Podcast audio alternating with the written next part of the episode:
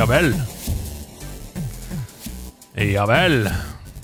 Det er en legendarisk Stavanger-hilsen som funker i alle sammenhenger, sier dreier.jodfeg, som har sendt inn catchphrasen ja vel til meg denne uka. Første gang i Nerdelandslagets historie vi nærmer oss 200 episoder, så er det jeg som åpner episoden! Shalabing-bong! Velkommen til Nerdelandslaget. Ved min side, hun er en gyllen diamant på to ben. Hun har på seg Michael Jackson sine sko og tennissokker. Og hun er en drøm av en podcaststemme. Ida Northea Horpestad! Hello! Å, det er deilig å være her. Ja. Og det er deilig å være her sammen med deg, Andreas Ja. Hedemann. Ja vel. Jeg Ja hører hva du sier. Ja vel. Er ikke det litt sånn en sørlandsgreie? Jo, ja vel, men- ser du? Jo, uh, ja vel, ser du. Jeg tror det. Men jeg Sa tror hvis du, så lenge du kommer lenger vestover, så tror jeg det blir sånn Ja vel.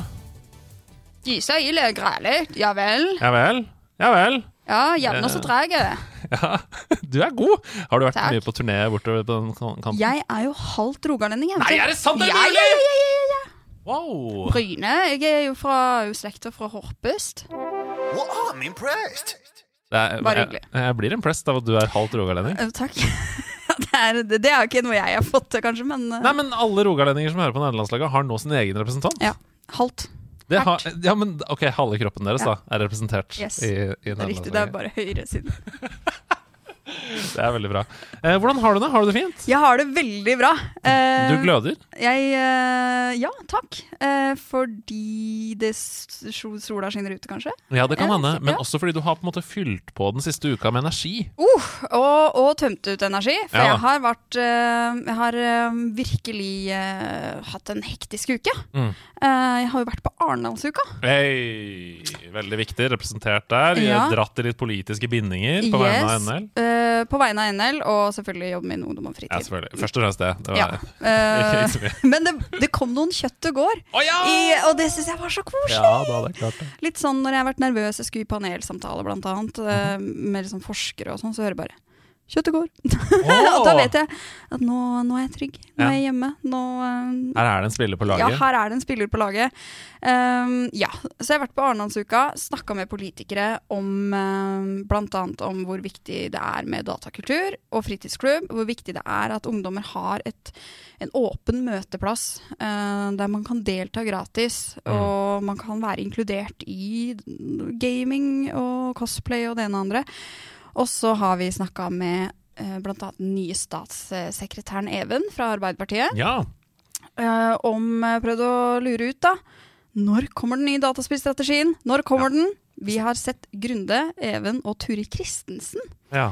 eh, spille minigames. Ja, for jeg så det var noe Var det Mario Party de spilte? Det var Mario Party. Ja. Det var kjempegøy. Og, Ja. og, eh, og eh, Nei, det var bare supergøy å se de konkurrere og, og hevde seg litt. Og det var virkelig sånn game face on. Jeg så oh, det ja. bildet. De tok det dritseriøst. Altså, de er jo vant til å måte, altså, jeg tenker Politikk er jo på en slags konkurranse. Ja, ja. Debatt er jo en konkurranse. Det er jo ikke folk som driter i om de kommer først eller sist, som, nei, nei, nei, eh, som spiller her. Så det var bare superkult, og de er supersporty som stiller opp, syns jeg. Tenk at du får lov til å ha det som jobb. Gå, det er jo på en måte det samme budskapet som du snakker om der, da, med fritidsklubber og, og inkludering og, og gaming, sosial gaming og sånn, er jo på en måte kjernen i nederlandslaget. Og så får du lov til å dra rundt og forkynne det i det norske land. Ja, det er helt nydelig. Jeg er så heldig. Ja. I'm blessed. Vi er hashtag blessed, Hashtag blessed. alle sammen. Ja, alle sammen. Alle sammen. Var det noe annet som skjedde på Arendalsuka? Var det noen som sklei på bananskall? Var det noen som mista en lommebok i vannet? Var det noe gøy som skjedde? Um, de, store, de store skandalene fikk ikke jeg se, dessverre. Nei, nei. Um, jeg dreit meg nok sikkert helt eh, litt ut sjøl. Vi alle. men det er jo liksom sånn hverdagskost for meg nå. Ja. Um, og så var det jo stas å se på ungdomspartilederdebatten. Ja, Fy fader, så flinke de er.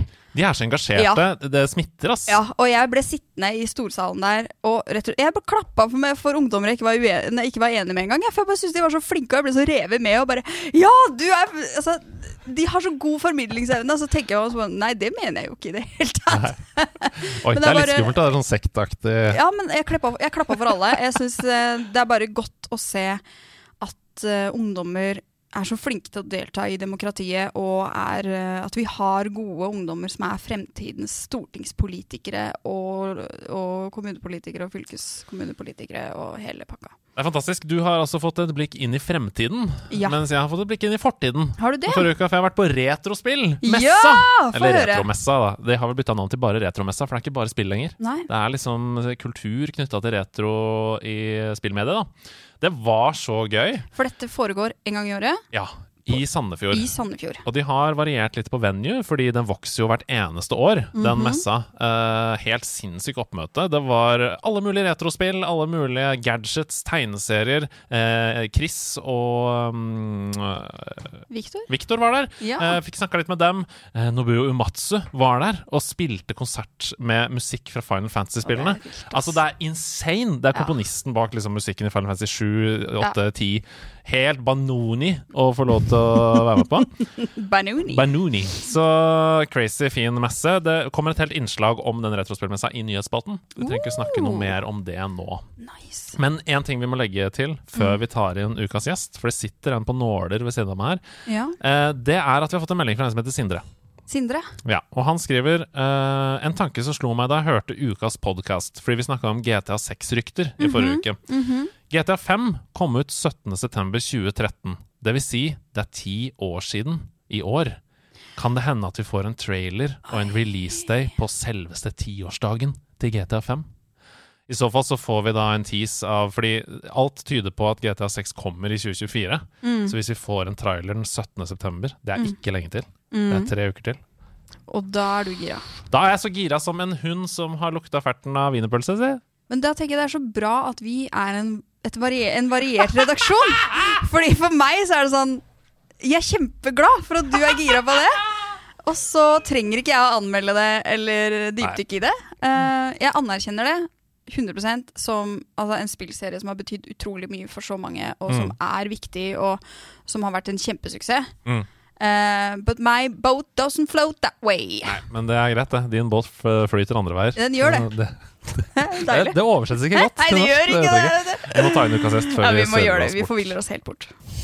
Ukas gjest er et strålende eksempel på positiv spillkultur. Ikke bare er hun fra Moss, Norges sommerby nummer én, hun er også ivrig bruker av fake leg. Hun er elendig i matte, men har forstått noe andre ikke har forstått, nemlig at bamser lever, og derfor må hun alltid rette opp bamser som ligger feil vei i en kurv i butikken, og gi dem litt omsorg.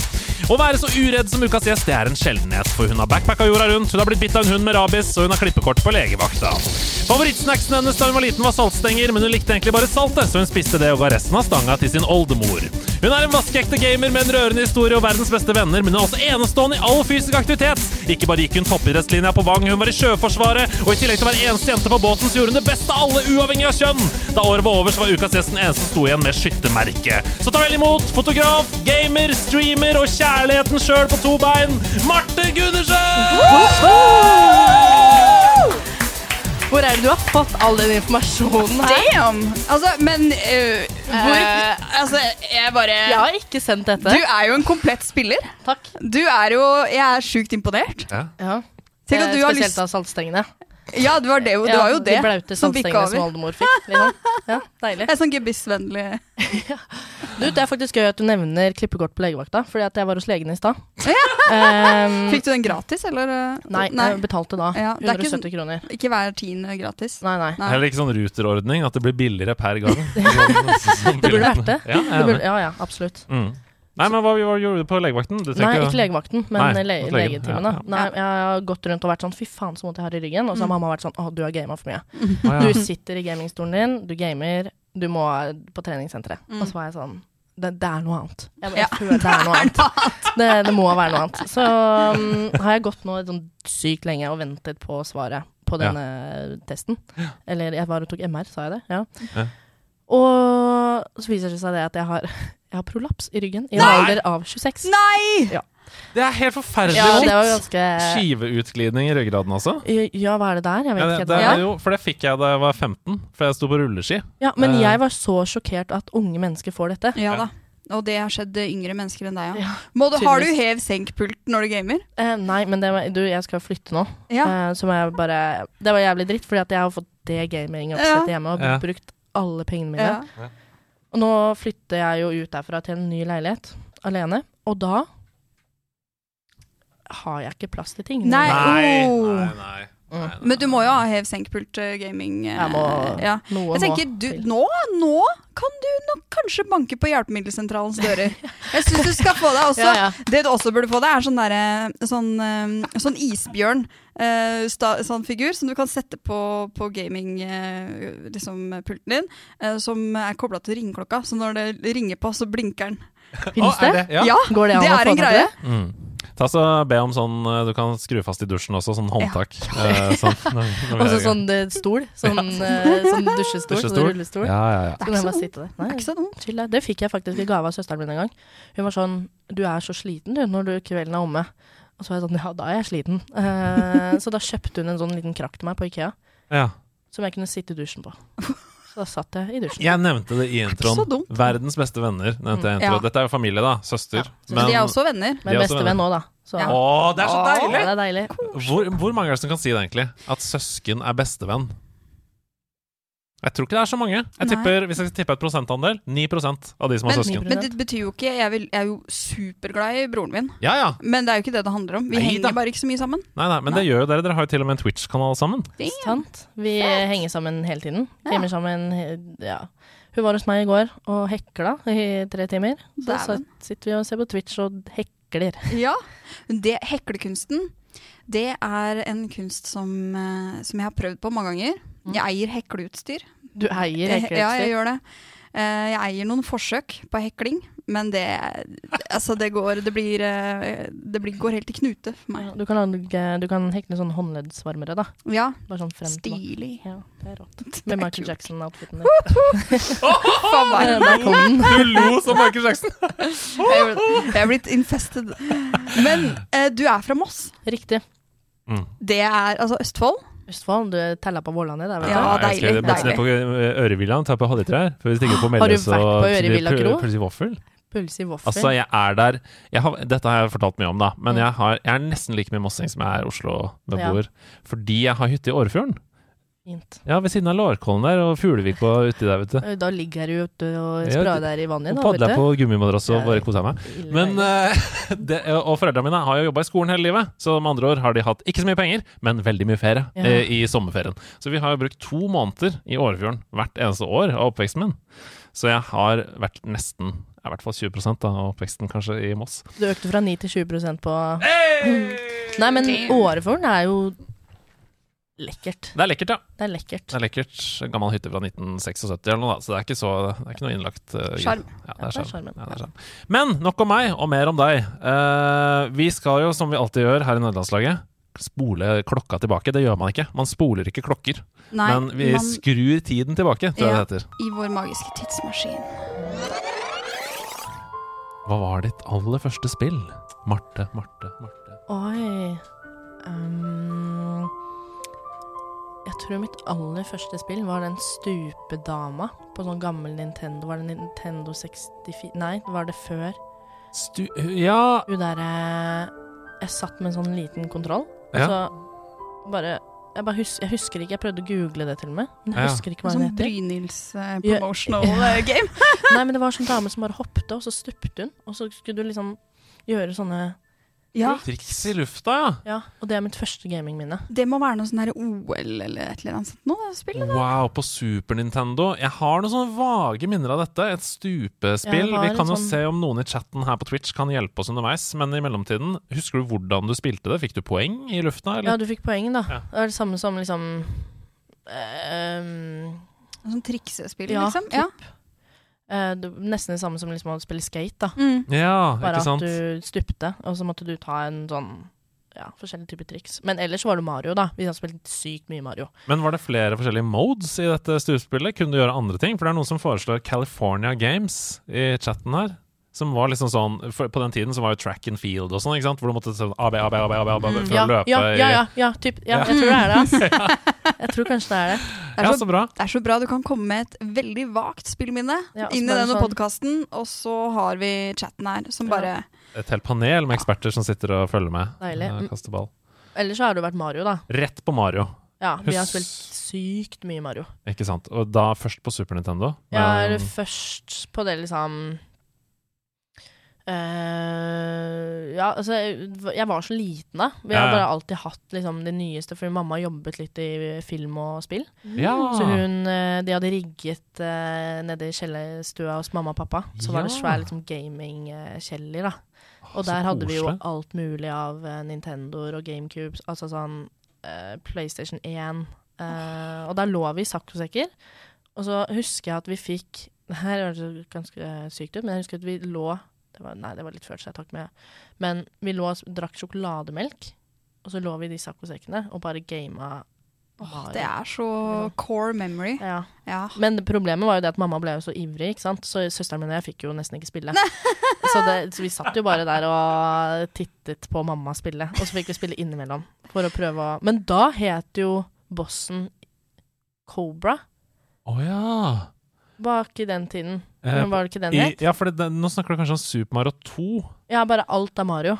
Oh, ja. Liksom, det har vært Mario, Mario, Mario.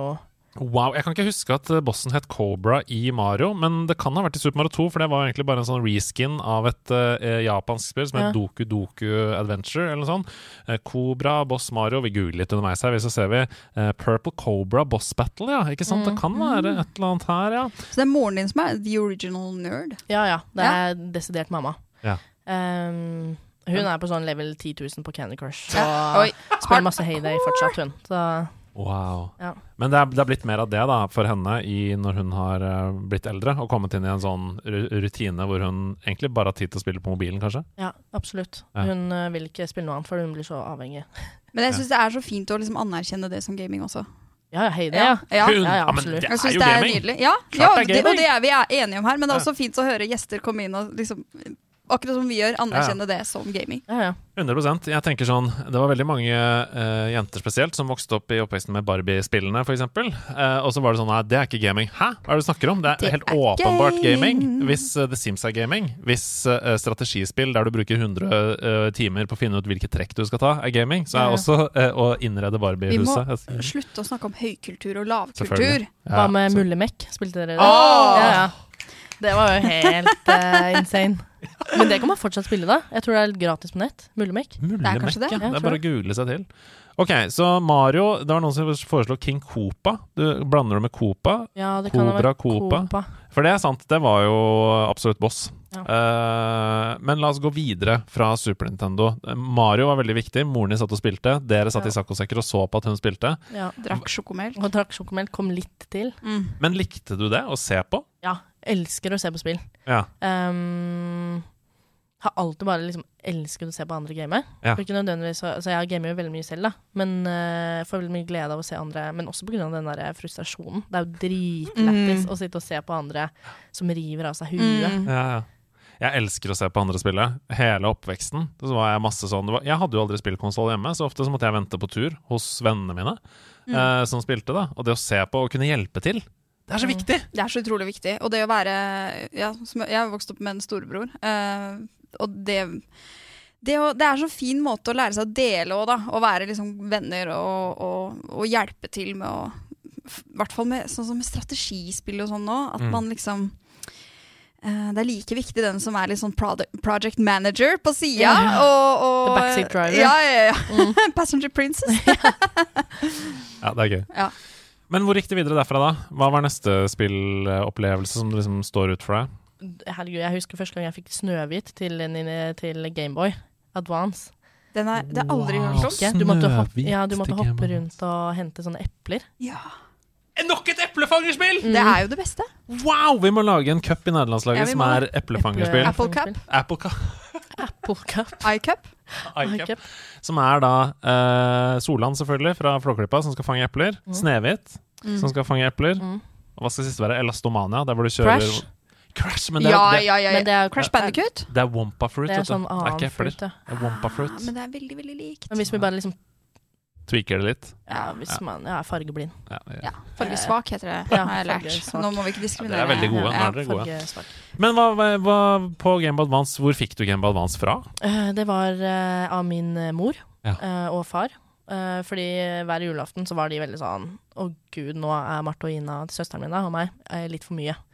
Um, var alltid så nervøse når julaften kom og gledet oss så mye. Og da var de sånn Nå må de unga faen Unnskyld. Ja, Nå må de eh, roe seg litt. Og da fikk vi hver vår Gameboy Advance. Det er akkurat sånn som det har vært på min Det er min oppvekst med julaften. Ja, ja. sånn, her kommer jula. Hva, hva ligger der? Et stort strategispill? Ja. Ja, ok, vi trenger ikke noen barnevakt vi nå. Nå, Nei, nei. nå er det It's done. Det er så lurt. Ja, og da, da var det bare sånn For da lå vi bare og så på eh, Disney og spilte, Mm. typ.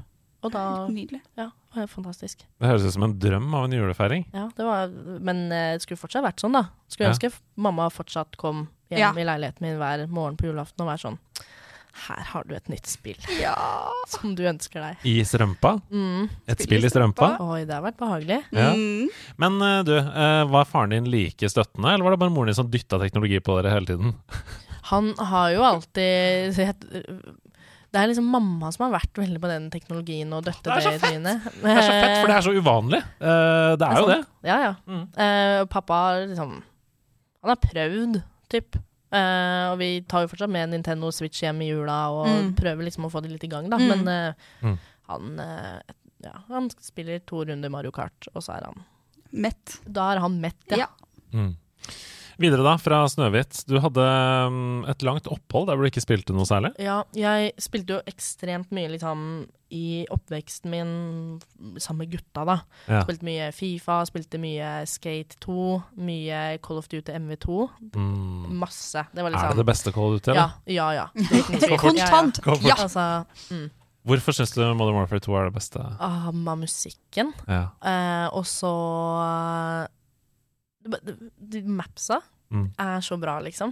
Og nå har de jo De har jo lagd Det nye MV2-spillet er jo basert på det gamle, da. Mm. Eh, men det er fortsatt ikke helt det samme, da. Og så bare den derre teknikken. Men det kan jo hende at det var så sykt bra da det kom òg, fordi at da var man jo vant til litt sånn Man, man lot seg jo imponere Ja. Mm. Det er jo noe med det. av noen ting som ikke kanskje hadde holdt Det er imponerende i dag. Ja. Men dette er litt interessant, fordi du var jo ganske tidlig på skytespill og FPS-spill. Og så blir du den eneste personen, ikke kvinnen, personen på båten i eh, marinen som Ja. får skyttemerke. ja, sant. Kanskje det er en eh, Det er fett. Ja, det må jo være det. Ja, men du sikter jo, altså. Du har jo Og det å levere under press, det å ikke rykke til rifla når du skal Når du headshotte. Ja, ja. Headshotter ute på Ja. havet der. Ja, ut ute på havet. Uh, ja, nei um, Ja, det er jo Altså, ikke skjønner jeg hvordan det skjedde, på en Mm. måte. Jeg hadde ikke skutt Vi skjønner det. Du var Ja. god, du øvde deg. Jeg øvde så masse. Skytespill, og så ble det sånn. Og så ble jeg Ja. Men hva skyter man ute på havet? Fisk, liksom? Fisk, rett i fiskefjeset, eller? Nei, man setter jo ut Man setter ut bøyer. Okay. Og så ut på dekk, da, som det heter, ut på liksom, fartøyet. Mm. På endestykket der. Mm. Så setter man opp liksom plater. Ja. Så du skyter ikke Fisk. Fisk. Nei. Nei. Du skyter, nei, ikke fugler heller. Nei. Nei. Men, Men, vi det- fikk lov til å skyte ned droner, da. Hvis Ja. folk kom med drone. Ja, så var det sånn OK, hvis dronene kommer, Ja. da kan dere skyte de ned. Invasion Det skjedde aldri meg. Og dumt var det, for jeg var satt klar. Jeg, Du var klar. Jeg satt der og var sånn. Nei, men um, Ja, men det er jo utvilsomt Altså, du, du har jo god aim, åpenbart. Ja, du, den er faktisk ganske bra. Mm. Ja. Aimen min, den, eh, den kødder du ikke med. Det er det du spiller mest fortsatt? Ja. På det r helt rå setupet ditt hjemme? Ja, det, Amy Som nå- Gundersen kaller du meg. Oi, Oi, Oh, oi, det er ikke Amy. Diamond. Mhm. Åh, Mm. send it for me. Men um, jo, nei, og så gama jeg bare. Jeg spilte, spilt masse av det. Og så ble det jo veldig sånn Du er jente, du kan ikke game. Mm. Typ sånn. Mm. eh, Som er helt fucka. ja, det er jo helt idiotisk. Ja, det er det verste jeg hører. Ja, Det er en da, faktafeil. ja, det er en faktafeil, og sykt irriterende. Fordi at jeg sitter nå og tenker sånn, hadde jeg bare spilt de ti årene hvor jeg hadde et opphold der, så hadde jeg jo sikkert tjent grunkas. Ja, for du hadde jo vært Mhm. e-sportsutøver Ja, ja. eh, med det aimet ditt. Skytterprinsesse på båten ja, ja. og ja, ja. Men eh, nei, så da hadde jeg et opphold, og så i 2020 så ble jeg syk, og så fikk jeg en Og da gikk alle vennene mine sammen, da, og var sånn Marte, hun trenger noe å gjøre i de fire månedene hun skal ligge i sofakroken. Ok, hold up. Nå må vi bremse litt her. Fordi det er jo en sånn I, i um, forberedelsene så sender jeg deg sånn dine topp tre spilleopplevelser. Mm. Og dette er en av dem, er det ikke det? Jo, absolutt. For da må du fortelle helt fra starten. Du ble syk. Hvordan, hva, hvordan hva fant du ut? Hva, hvordan syk? Eh, da jeg var um, Hvor gammel var jeg? 19 eller noe? Mm. Jeg tror det var da jeg var 19. Nei, hvor gammel var jeg? Ja. Dyskalkuli, som sagt. Ja, Dårlig matte. Ja, eller Mm. ja, rett etter videregående. Mm. Så fikk vi vite at familien vår har et veldig eh, Eller familien vår har Alle kvinnene på pappas side har uh, dødd av kreft, og alle har den samme typen. Mm. Så eggstokk og brystkreft da, med spredning. Mm. Og så har vi alltid liksom vært sånn Ja, det er jo bare tilfeldig, fordi ingen snakker noe mer om det. Fordi brystkreft er jo et av de vanligste eh, kreftformene blant kvinner i Norge. Og så var det en del av familien som hadde hørt om et kreftgen som kalles for BRCA. BRCA. Um, og så testet de seg for dette, hvor det da viste seg at familien vår var bærer av dette genet. da. Mm. Og da måtte pappa sjekke seg, fordi det er jo genetisk. Mm. Uh, og hadde ikke han hatt det, så hadde verken søsteren min eller jeg det hadde på en måte dødd ut. da. Mm. Men siden da pappa har det, så måtte Ina, søsteren min, og jeg også sjekke oss for det kreftgenet. Og det var da vi var og tok blodprøver og sånn, og så tok det over sommeren, og så ringte de da. Mens søsteren min satt på Bali, og jeg var på jobb og på et sånn hjelpepleiesenter.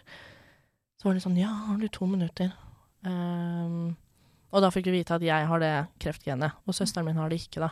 Mm. Så da startet jo hele prosessen med masse inn og ut av Rikshospitalet og ja. Mm. Og kort tid etterpå så ringte de og sa at jeg skulle fjerne begge brystene mine fordi at jeg hadde eh, store celleforandringer. Og da Og så skal jeg også fjerne eggstokker, da. Mm. Og det var et helt eh, Å få den telefonen, og så stå Mm. i det valget. For det er jo, dette kan jo jeg veldig lite om, Mm. eh, men jeg kan jo tenke meg til hvordan det føles som kvinne, da. Det er jo det mest kvinnelige eh, man har, på en måte. Mm. Jeg, eh, eh, Ja, for eh, hvis jeg jeg, tror, jeg jeg klarer ikke å relatere meg til å være i den situasjonen, fordi det er så Jeg tror det hadde vært kjempetungt for min del. Mm. Absolutt. Man er jo veldig knytta til kroppen sin, og, og som kvinne, da, med liksom Man har eh, bare helt fra man har fått, fått mensen for første gang, liksom, så er man så veldig klar over hva det vil si å være kvinne og ha hormoner og, og en syklus, og man kommer i en alder hvor folk snakker om Man tenker på barn og alt mulig sånne greier.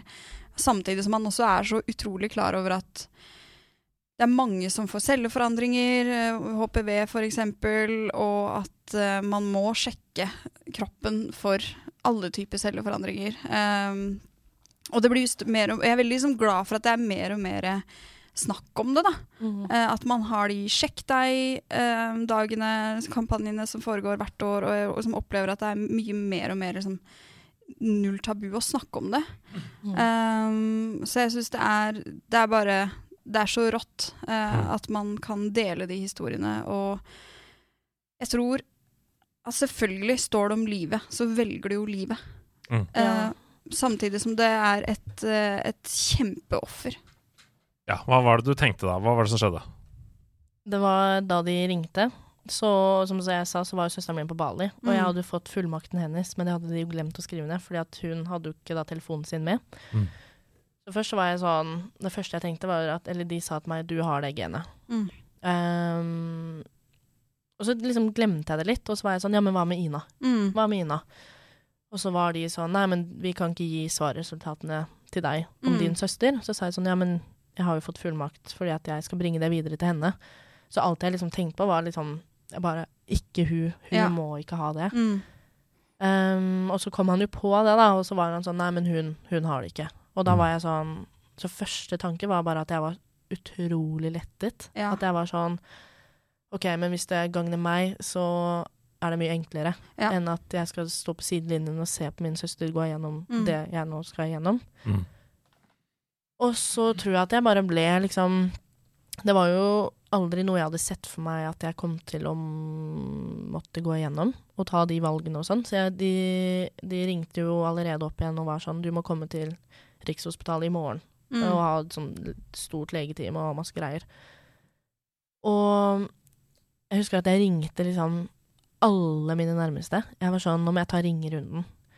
Og fortalte alle om dette da, og jeg visste jo ikke helt hva det var jeg skulle gjennom. Jeg hadde fått litt informasjon sånn du får på en måte et valg om du vil fjerne brystene dine og eggstokkene dine. Vi anbefaler å gjøre det.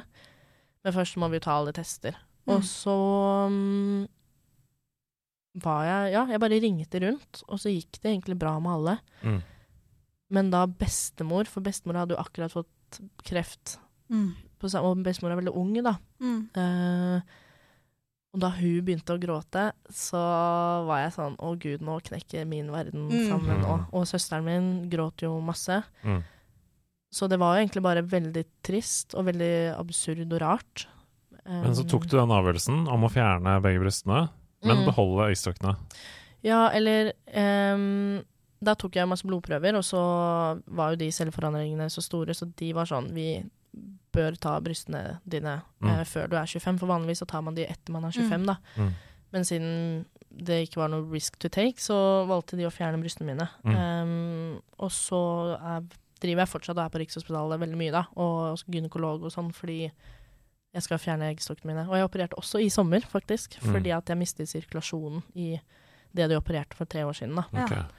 Eh, så da har jo gaming vært min eh, way to paradise. Mm. Ja, for fordi det eh, var, det er jo det vi skal inn på nå. Jeg synes Det er Mm. utrolig flott at du forteller, og at du har lyst til å dele med oss. Jeg tror det er veldig viktig for de som hører på, enten Mm. du er mann eller kvinne også, å sjekke deg for disse tingene. Eh, det kan skje hvem som helst. Du Mm. trenger ikke ha gen i familien engang. Det kan oppstå øh, brått, og det kan oppstå uventa. Og du trenger ikke å kjenne noe smerte. Så nå skal ikke vi drive med skremselspropaganda, Nei, men, bare dette det jevnlig ja, bare det å jevnlig sjekke Ja. seg for disse tingene er viktig. Vi trenger å ha alle de kule gamerne som er der, og vi trenger å beholde de i framtiden. Så Og så sa jeg 'verdens beste venner' i introen. Absolutt. Fortell.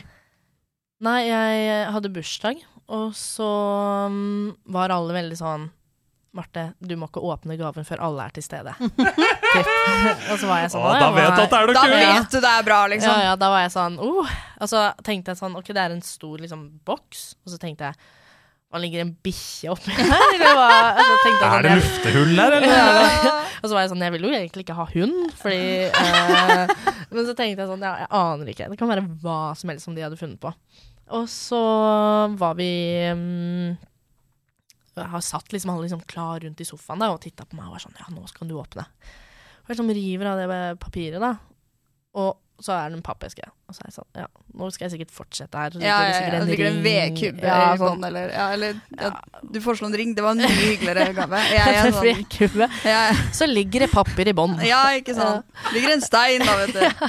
Ja, men det, det kunne vært det òg, på en okay. måte. Og så fortsetter jeg å ta opp, og da har jeg ikke gamet på ti år. Mm. Og elsker jo gaming. Ehm, men på grunn av Ja. Ja, og det, det er sånn når man faller ut av rutinen. Hvis man glemmer å bade på sommeren fordi man tenker at det er litt kaldt, så glemmer man hvor digg det er. ja. Og så slutter man å bade. Hvis man, glemmer, jeg trodde du si. Hvis man glemmer å dusje fordi det er kjedelig, så, Så bare dusjer du ikke. så så går, dusjer du ikke, da. Altså. Nei. Så går det ti år. Så river du av, så river du av papiret. Så river jeg av, og så åpner jeg den esken, og oppi der ligger det en PlayStation 4. Det er så kult, ass. Ja. Og det var Og så var jeg sånn, jeg tittet rundt meg, og jeg var sånn Det fins et bilde av meg med det, og jeg har bare munnen liksom Den er så åpen, og jeg bare sitter og skriker, og jeg tenkte liksom Det var jo da PlayStation 5 ikke hadde kommet, så det var Mm. liksom PlayStation 4. Ja. Det var den nye ja, ja. konsollen, liksom. Ja, ja, så det var jo helt sykt at de hadde gått sammen og kjøpt denne. Ah, er så Eh, så jeg ble jo også veldig rørt og veldig sånn Jeg husker jeg svetta masse. Jeg var sånn å, fy fader. um, og så, bla, så er de sånn ja, men du må jo åpne mer. Og oppi der ligger jo da selvfølgelig My Angel Call of Duty. Oh! Ja. Og så var, jeg, og så var det noen andre ting oppi der, men jeg var sånn Å, COD. My lord. Og så mm, Det var en slags reunion. ja, men typ, liksom. Ja. Det var tiårsjubileet. Altså, sånn, det var ikke altså, Drit i ungdomsskole-reunion, på en Mm. måte. Dette er det Call of Duty som reunion. Yes.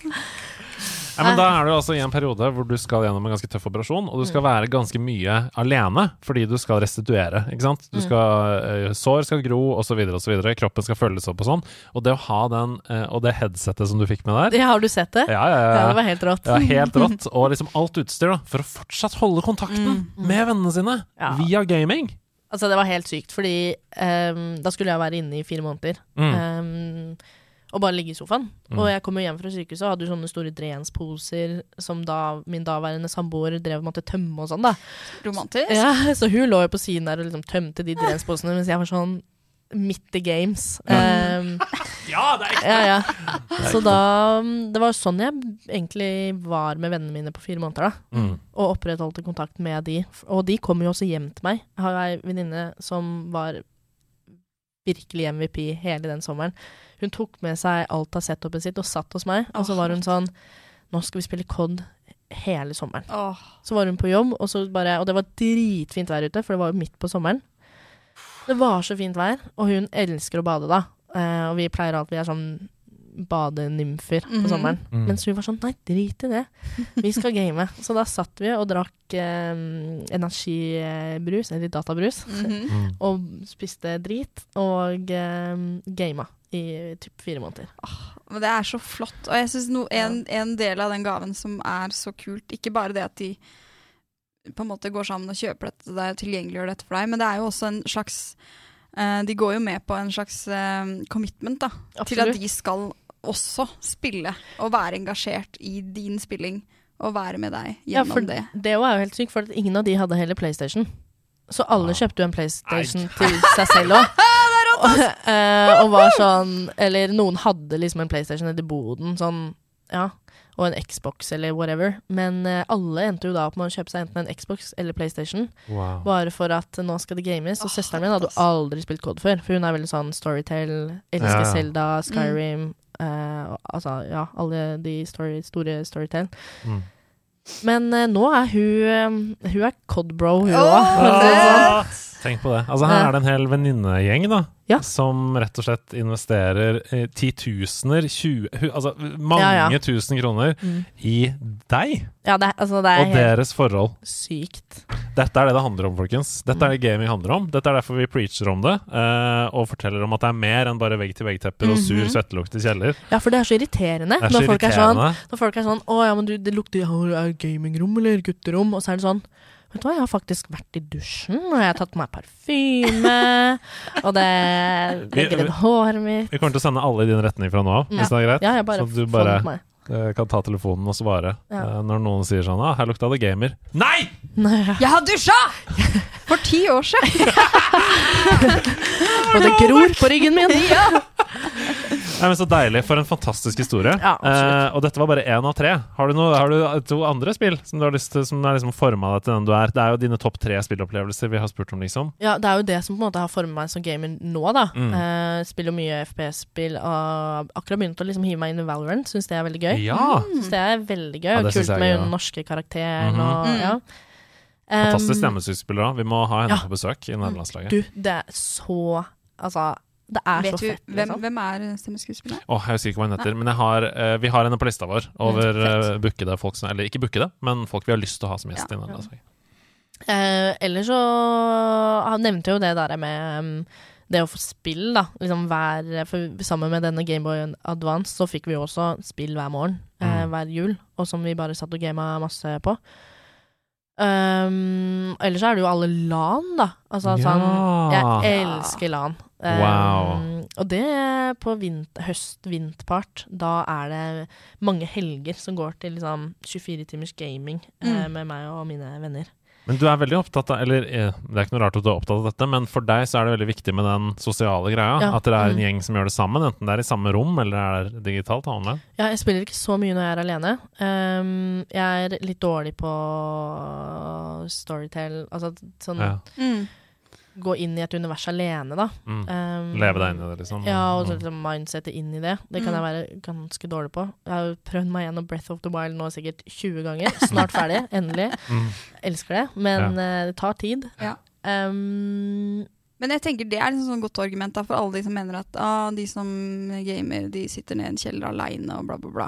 Ta deg en tur til Vikingskipet under The Mm. Gathering, så Ja. skal du se en gjeng som ikke er så gira på å sitte aleine, liksom. De er jo, det er en grunn til at man drasser hele setupet sitt ditt sammen med tusenvis av andre folk. Altså, det er så gøy å game med andre. Det er sånn, Og noen som jeg bare elsker med å game med vennene mine også, er sånn Noen ganger så kan det være dritt å ta opp kjipe ting. Ja. Sånn når man henger sammen og er liksom face to face. Mm. Det blir så nært. Ja, veldig nært. Og kanskje Ja. noen ting er liksom ekstra kjipe, mens der så kan du liksom bare dønke ut masse du har på hjertet. Mm. Og så er, med en gang det skjer en situasjon etterpå, så har man på en måte liksom Man har ikke glemt det, men man sitter ikke der og er sånn Ja, men Det føles ikke så det sånn, føles ikke så tungt og viktig. Det føles som en måte å lette brystet på, da, uten Mm. at det er noe kjipt, liksom. Eller bare sånn Det er jo kjipt, men du skjønner hva jeg mener. Det er lettere å dele. Og ja, det, så det, det liker jeg veldig godt. Og det er bare sitte og skrike sammen og ha det skikkelig gøy, liksom. Jeg må bare kjapt før vi går videre, så må jeg nevne Lan Mine, som er Ja. nå i høstferien på Hvaler. Så hvis du Mhm. ikke har kjøpt Hvis du bor i Østfold og har lyst til å dra på LAN i, som, i høstferien, så er det på Lan Mine på Hvaler. Vi har jo vært der og hatt liveshow. Oh yes, we did. Det var kjempegøy. Vi spiste kyllingkebab. Ja, det gjorde vi. Ja. Og du ble sur. Jeg ble sur, for jeg tapte i Mario Party. du var ikke sur av kebaben? Nei da, det var jeg ikke. Men, eh, men eh, så, så, som sagt, hvis det er ledige billetter fortsatt, så skaff det. Det var veldig koselig LAN hvis du er sulten på LAN. Eh, hva spiller du nå om dagen? Altså Hvis du tenker de siste liksom, seks eh, månedene ish, hva er det det går i? Um, de siste seks månedene, det er jo selvfølgelig COD, da. Mm. Det Hvor, men nytt. la oss snakke om det. Hvor god er du, liksom? Hvilken rank er du? Hva Vi sjekket fak faktisk. Eh, Jeg og ei venninne var inne og sjekket på sånn du kan søke opp deg selv. Ja. Eh, Det var hun som gjorde det, og da var vi topp tre i Europa. Damn! Mm. Damn! Så det var eh, Seriøst? Ja. Så det er helt sykt. Hva er det du sitter her og sier?! Ja, ja. I Warzone? Ehm, ja, det var Warzone. Men er du Eller det var den rebirth-versjonen, men Ja. eh, vi har ikke spilt så mye av det store nye mappet, fordi at det har kommet nytt map, og vi er ikke så happy, men det Men- kommer seg.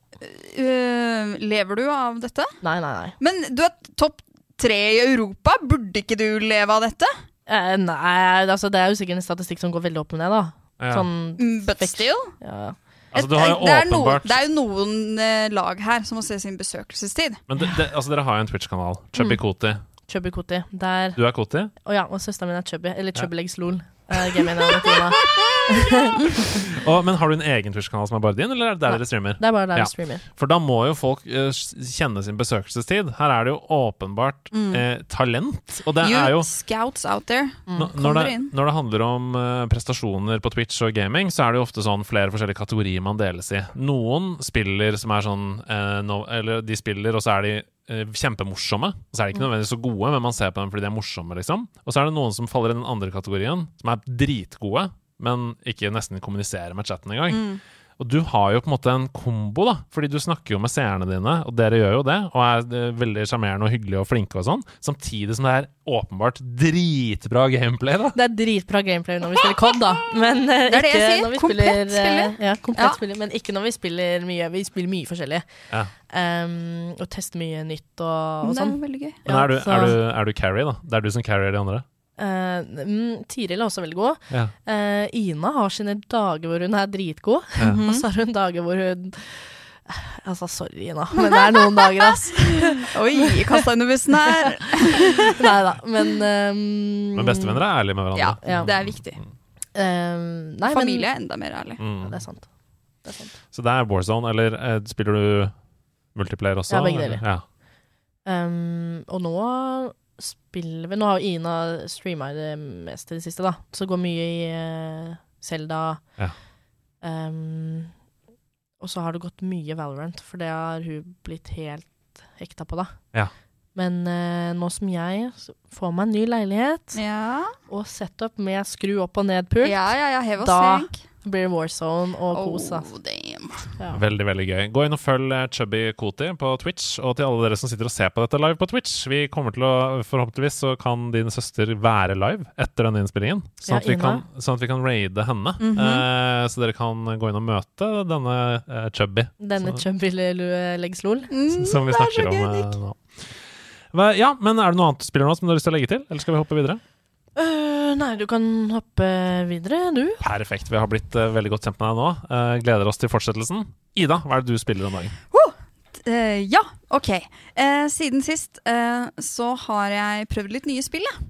Ja, Eh, og jeg har det er jeg veldig glad for å høre. i den spille sammen-modus. Eh, Ja, ja, ja. Først eh, så har jeg testa, testa meg litt inne på spillet Daisy, Oi! som er et uh, Du er inne i survival-land, faktisk, yep. rett og slett. Det er jo da en sånn zombie-apokalypse-verden, hvor du ja, eh, du spåner og har ikke så veldig eh, godt grunnlag for å overleve veldig lenge. Og så må du Altså, det er jo sånn jeg har forstått det, da. Jeg har ikke spilt veldig mye. Man må prøve å finne et, et forlatt hus. Se om du klarer å raide noe mat eller noe equipment der. Eh, unngå å bli drept av, eh, av eh, zombier. Men også unngå å bli drept av andre spillere.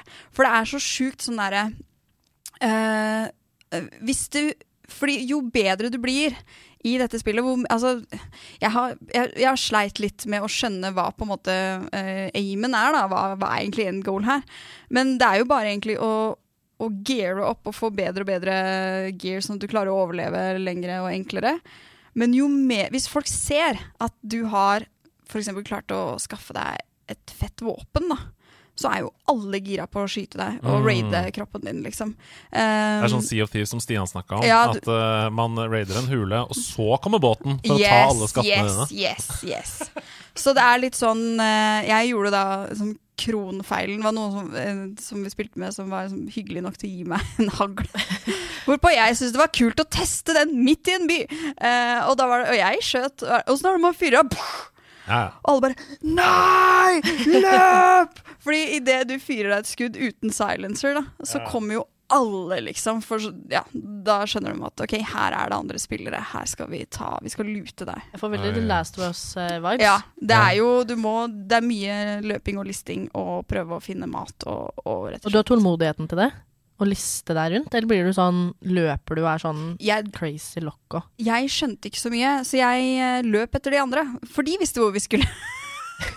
og så fikk jeg, fikk en gul eh, Eller han ene som spilte med, døde, så da tok jeg den gule regnjakka hans. Syntes det var veldig kult. Uh, ja, Smart. og vi fikk tak i litt mat og Ja, nei. For det er på en måte en slags survival, et survival-spill som møter Battle Royale. Ja. Uh, for det er jo sånn at man casser hverandre. Du spiller med andre, liksom. Det er ikke Mm. bare zombier her. Det er andre spillere. Det er egentlig nesten så de andre spillerne er farligere Ja, ja. enn zombiene. Ja. Hvor mange er man på et team? Uh, nei, så mange du vil. Ja, Så du kan liksom trøkke inn 20 medspillere, liksom? Jeg tror det er bare, det er bare du hiver deg inn på en server, og så er det om å gjøre å få plass da, til alle som man har avtalt med Mm. på privaten, kanskje. Og da kan det være opprør internt òg, vet du. Oi, så ja, plutselig ja, kan det bli undergrupperinger, Ja. og så er det dårlig stemning. Ja, da blir det så det, men, så, så det var veldig kult å teste. Um, er ikke helt min greie, men det var gøy å prøve. Mm. Um, videre så har jo Moving Out 2 kommet. Ja, og du var skeptisk. Jeg, først var jeg, veldig, jeg var skeptisk, fordi jeg syntes Moving Out 1 var, ikke var noe gøy. Uh, og så var jeg positiv, fordi jeg syns at den traileren til den Moving Out 2 så liksom kul ut. Og jeg har så lyst til at det skal være bra, da. Jeg er veldig glad i Team 17, som, uh, som har utvikla det. Og de står jo bak liksom spill som Overcooked, som jeg syns er supergøy. Ja, det er, det er Ja, det er helt magisk. faktisk. Eh, så jeg har, liksom, jeg har så innmari lyst til at det skal være bra. Jeg var egentlig klar for å kaste de pengene på det spillet og bare laste det ned. Eh, men heldigvis så lasta jeg ned demoen. Prøvde de bretta som var der, og jeg syns at det var kjedelig. Altså. Ja, Jeg syns ikke det var så gøy. Og det er den derre Hallo, dette er gøy fordi det er rar fysikk, og det skal vi trene rundt. Ja. Jeg vil si at det var bedre enn Moving Out 1, Ja, ok. men det er fortsatt ikke noe jeg kommer til å gidde å først og fremst bruke tida mi på. Mm. Så da fortsatte jo liksom den søken etter hva er det neste morsomme couch co-op-spillet som skal eh, regjere i stua hjemme hos oss, Mhm. hvorpå jeg kom over en perle. Oi. Ja. Merex Market. Merex Market, hvordan staves det? Yes! Eh, M-e-r-e-k. Ja. Merek. Å ja, det er navnet på en fyr? Ja! Merex Market. Merex Market. Ja, jeg liker å si Merex Market. Eh, fordi da spiller du som eh, Dette handler altså da om Merek, eller Ja. Merek, Ja. eh, som er en fyr i eh, Som eksisterer på ja, middelalderen. Ja. Eh, og som har da en shop. Ja. Og der har han et par furnaces, og han har noen arbeidspulter, og han, han har noen resources. Jeg elsker det. Jeg blir så glad. Ja. og så kommer det kunder inn, da, og de vil ha et sverd. Og da må du lære deg hvordan du lager et sverd. Eller Ja. kanskje de vil ha en rustning eller noen hansker eller en krukke. Uh, så det er egentlig Altså, liker du Overcooked, så liker du Så dette er et Merrick spill for meg òg. Ja, dette er Merrick, liksom. Merrick. He needs your help. Uh, så det går på tid om å gjøre Og så er det liksom forskjellige modu mods i hver bane. da At det er liksom OK, nå har man eksempel kanskje bare den ene spilleren har tilgang til resources. Oh, ja, okay. uh, og så må man måtte Og samarbeide og sånn. Og Samarbeidsspill, absolutt. Jeg har ikke prøvd campaign. Du kan spille alene på campaign, men jeg har bare prøvd eh, couch co-op-versjonen. Jeg syns det er dritgøy. Og det Ja. vekker den derre trestjerners higet i meg. Eh, og litt sånn derre Ja, men nå har vi jo skjønt hva som er greia, vi må ta det igjen. Vi skal få gull, liksom. Mm. Um, så det er et Hvis man liker overcooked, uh, tools up, uh, uh, plates up Ja. Det er, det er et uh, kult spill i den sjangeren, syns jeg. Og nå er det på salg på Nintendo Store. Nintendo Store har um, salg på multiplayer-spill nå. Ja, det er en veldig god nyhet, da. Mm. Uh, Men er det sånn at du kan spille det online med andre, og så snakke sammen med headset, eller må det være lokal coop, vet du det? Aner ikke. Nei, ta så google det da, folkens, for Ja. det høres ut som noe som kan være gøy å streame. Ja, absolutt. Men hvordan blir du når du spiller da med noen andre? Eh, Spiller du da med noen som er liksom gode til å spille, eller er- spiller du med noen som liksom er sånn decent? Klikker det i hodet ditt hvis ikke Eh, den personen Jeg, Fordi jeg kan fort klikke litt i Ja. hodet. eh, jeg spiller jo mye med min samboer. Ja. Um, og klart at da får man også den forholdsdynamikken Ja. inn i, i eh, spillet. Uh, så det er Vi har hatt noen samtaler uh, hvor det er sånn eh, Det er greit at du uh, at, eh, Det er greit at du sier det du sier, men, men du trenger ikke å si det på den måten. Ja. Du trenger ikke Og den er det du som Det er real talk. Nei. Nei. Den er det jeg som gir. Den er det som gir, ja.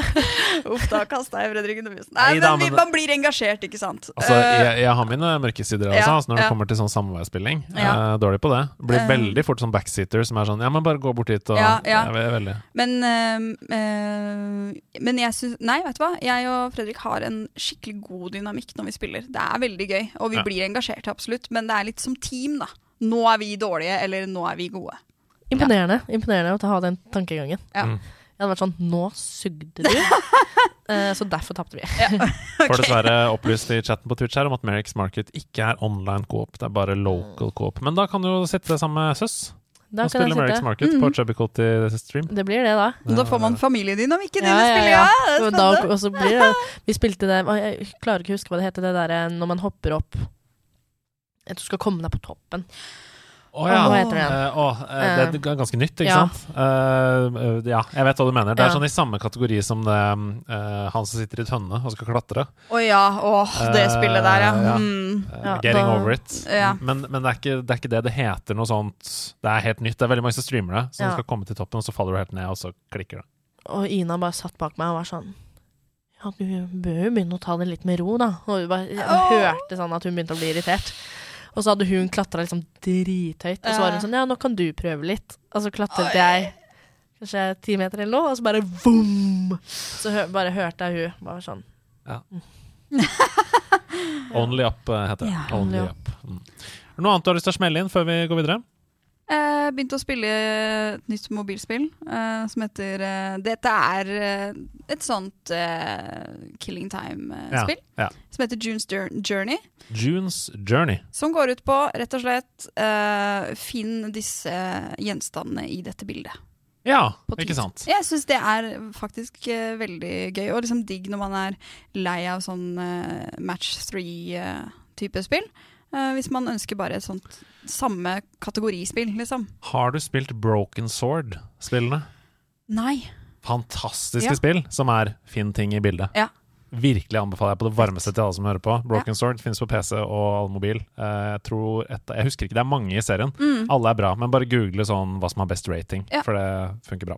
kult. Ok, jeg har bare uh, gjort én ting siden forrige episode, og det er å døgnet rundt spille Boulders Gate 3. Yep, Og Jeg det er ikke så veldig offret- rart. Jeg har ofra kjærlighetsliv, jeg har ofra alt av liv. Jeg Ei. har sovet lite, ikke nesten spist, for å bli ferdig med anmeldelsen av Boulders Gate 3.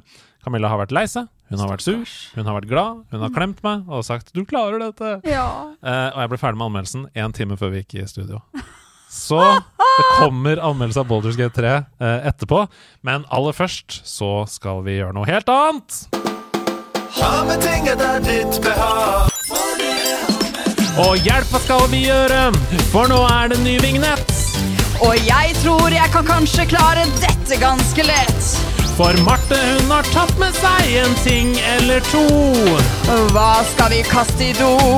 Bare ha med deg. Det var veldig hyggelig. Ja, du er eh, klar med en ting. Jeg er klar med en ting. Smell den opp Um, fra bagen din Ok, mens vi hører på denne deilige halen. Fordi Ok, dette er en ting med mye historie, da. Oi, Ja. nå er jeg spent. Um, som var derfor jeg tok den med. Um, for jeg var litt sånn jeg må, jeg må ha med en ting som Jeg sto mellom mye. Sto mellom noen gamle Pokémon-kort. Og så tenkte jeg bare sånn En Urge òg er liksom Ja! Oi, ja. Husker dere reklamen? Mm. Urge! Og så var det sånn brus på en pidestall, og så skulle alle løpe som var først i urgen. Nei, den husker ikke jeg. Men jeg husker godt Urge Intense. Husker dere det? Nei. Eh, nei. Urge Intense? Å, herregud, Men det var husker dere kampanjen for å få Urge på 1,5 liters flaske til Norge? Ja. Ja, det husker Ja, jeg. Den var jeg medlem av på Facebook. Ja, du var det? Ja, ja. Selvfølgelig. ja Jeg er også fortsatt medlem i Vi som ønsker Urge Intense tilbake til Norge. Oh. Den eh, tror jeg har en million følgere eller noe. Damn. Ok, Jeg har tatt med en maskot Oi, Oi. mm, med en god historie. ok. Ok, jeg er klar. Er du klare? Vi er veldig klare. ja! Det er Furby! Jeg har tatt med en Furby. Du har tatt med Furby! Eh? Jeg sa det jo også i vignetten. Du, du tror at alle bamser lever, Ja, ja. og har et Ja. veldig nært forhold til dem, og blir lei deg hvis du ser at de ligger med hodet nede, f.eks. Jeg kan ikke gå i leketøysbutikk, for eksempel. For du må redde alle. Fordi da blir jeg sånn, jeg får sånn trang at jeg må liksom snu dem. Ja. Sånn at alle liksom får puste. Du burde jobba på sånn bamsesykehus. Fins det? Ja. Ja, hvor du kan sy på armer som er og sånne ting. ja Jo, men det er en del av første, sånn førstehjelpsopplæring mot, uh, mot uh, barn, eller for barn. Så har de sånn bamsesykehus, og de kan ta med bamsen. Altså. Ja, det kan Ja. hende det blir en ny karrierevei på deg Ja, nå. det blir brått, det. Ja. Men Furby. Men Furby. Ok. Uh, denne fikk jeg sikkert da jeg var sånn fem år eller noe. Det er, det er den samme. It's original. Grønn. En grønn Furby. Um, litt slitt og sliten. Den Nå har jo det blitt veldig trendy med sånn ugly Furbies. Mhm. Hva er det det heter igjen? Det er sånn ugly, sånne lange Furbies. Ja. Ja. Og den her uh, har jeg da tatt ut batteriene på av denne historien. Og det var uh, da jeg fortsatt bodde hjemme på videregående. Ja. Så banket det brått på døren en dag. Um, og jeg åpner døren, og der kommer naboen inn. Mm -hmm. uh, vi bor i en sånn leilighetsblokksak. Um, og der står det et gammelt ektepar eh, bak hverandre. Og kona liksom bak han derre um, callen sin. Og han mannen, ikke sant. Du ser liksom at han står og skjelver. Eh, og kona sikkert 80 år bak. Ja. Og er like nervøs, ikke sant. Hun tør jo ikke å se på meg. Hun er helt sånn «Hå? Hå?» Um, Og mamma er sånn Ja, hvem er det? Og jeg var sånn Det er naboen som mamma kommer. Og vi står der liksom Ja, hva er det for noe? Og de bare «Eh, eh, Det er en bombe i kjelleren. og, så, og så var vi sånn En bombe i kjelleren? Eh, og så tenkte jeg sånn Herregud. eh, Men det er så sykt bra sånn, ja, Flaks at dere sier det til oss. Det er noen Ja. andre, kanskje. Og jeg var sånn, ja, men det, det var akkurat sånn det var. Fordi vi var sånn, ja, men da må du ringe politiet. Eh, hvis det er en bombe i kjelleren, hva kan vi gjøre med det? Um, og mamma var sånn, nei, det er ikke bombe i kjelleren. uh, og jeg står her som et spørsmålstegn, og de bare, jo. Og det kommer fra deres bod. Oh! Ja. Og så var vi sånn, å, ja, ok, men vi får gå ned og se om det er noen bombe i kjelleren da. Så vi, um, og de liksom så redde, og jeg ser liksom at, og så beveger jeg både mamma og jeg oss ut, og de liksom gjemmer seg da. Og vi Mm. sånn, å herregud, nå kommer de. Og liksom skrøpelige gamle folk som var livredde. Og jeg og mamma tusler da ned i kjelleren. Og det Men som på dette tidspunktet her så vet jeg ikke om det er Er dere litt naive? Hvis At vi bare går ned. ja, ja, men her er bombekjernen, så får vi gå og sjekke, da. Ligger Det er i sånn de boden gjør vår i og Moss, greier. vet Ja, Ja, ja. Sånn de gjør i Moss, Ja. som man bare tar med begge Bare tar hendene. og titter etter bommene, Ja. da, vet du. så vi, vi, mamma og jeg bare er sånn Ja, vi får gå ned. Vi går ned. Så vi tar jo på oss noen flipflopper, sikkert, og rusler ned i Vernetupp på de. Ja, Mm. om, ja, om det var tupp? Nei, ikke, det er ikke vernetupp på de. Nei, det var ikke vernetupp. Det var sikkert i slåbroken og et par eh, liksom. Rusler ned, og det som da ligger i boden og tikker, er jo denne gamle Furbyen som begynner å gå tom for batteri. Så den ligger jo nedi der og er sånn Og så Og så um, ser vi liksom at de der eh, gamle eh, besteforeldrene oppe ved oss liksom står sånn og titter ut av vinduet, da. Ja. Ehm, og da holdt mamma Altså, hun var så flau. Eh, og etter det så har ikke den her hatt batterier i seg. Nei. Nei, for den var redd for uh, Furby-bomba. Ja, Ja. fordi at ikke andre skal tro at vi, ja, at vi skal bombe der vi bor, da. Men Um, når du sier den lyden der, jeg husker det så godt, jeg. ja, Det var, ja, og ikke minst Jeg husker, Det jeg husker, er den derre Ja.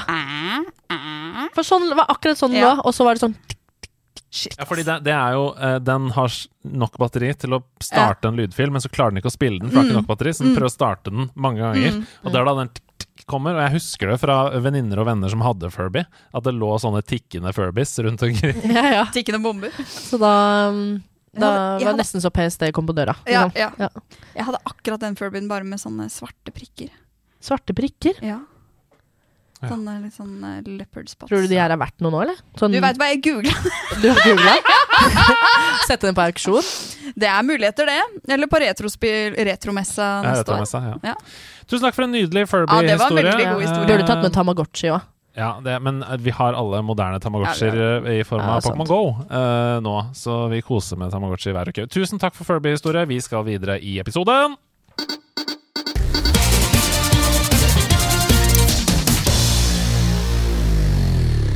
Ja vel. Sure. Mitt navn er Andreas Edemann, og dette her, det er Nerdenytt. På innenriksfronten skal vi først snakke litt om Retrospillmessen, helgens store høydepunkt. Camilla og jeg vi var der og dekket det hele, så her skal dere få rett og slett få høre reportasjen vår derfra. Da sitter jeg her i bilen. Vi har kommet fram til Sandefjord og retromessa. Eh, vi har ikke gått ut av bilene, så vi er ikke på messa. Vi sitter inne i bilen. Camilla holder på med Pokémon GO, du kan høre. Det var lyden av gulpin. Um, vi, det er uh, ikke første gang vi er her. Du har vært her før. Ja, jeg har vært her før. Da kjøpte jeg en sånn liten Navi fra Selda i et sånt lite glass, som om liksom jeg hadde fanga den på et glass, som er et anheng på et kjede. Fra en jente som lager de smykkene selv. Så jeg er så spent på hva jeg finner i bodene i dag. Retromessa er jo full av masse retrospill, det er full av salgsboder og gøyale konserter. Eh, Et av høydepunktene i år er selvfølgelig konserten med Umatsu, altså Final Fantasy-konserten, som skal være senere. Eh, Men vi gleder oss veldig. Nå skal vi gå inn og snakke med noen av de som er her. Det blir så spennende! Da sitter jeg her med Jan Olav Heggevik, som er jo, la oss være helt ærlige, det dunkende hjertet bak retromessa. Eh, Er du enig? Ja, ja, primus på motor må jeg vel kunne kalles, ja. Så et dunkende pikselhjerte, definitivt. Uten tvil. Hvor lenge har du holdt på med dette her nå? Teknisk sett niende gangen, så det er tiårsjubileum neste år. Eh, Så siden 2014. Dette er jo et helt fantastisk sted for entusiaster, og for egentlig familier og alle. Det er jo stappa med mennesker her. Eh, har dere vokst hvert år, eller? Ja, altså, vi var jo kjempenervøse etter pandemien, sant, som alle andre. Men vi var egentlig tilbake der vi var før vi slutta før pandemien. Eh, og i år så har det bare eksplodert. Eh, vi har jo planlagt for en økning, men dette er sinnssykt. Det er mange tusen eh, som har vært innom i dag.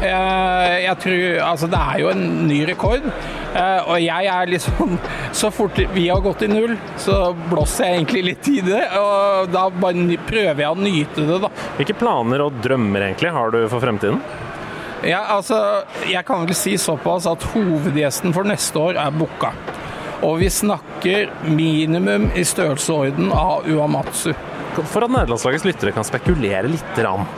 Er det Nintendo vi skal til med denne store gjesten neste år? Er det PlayStation? Er det PC? Har du lyst til å gi oss ett lite hint?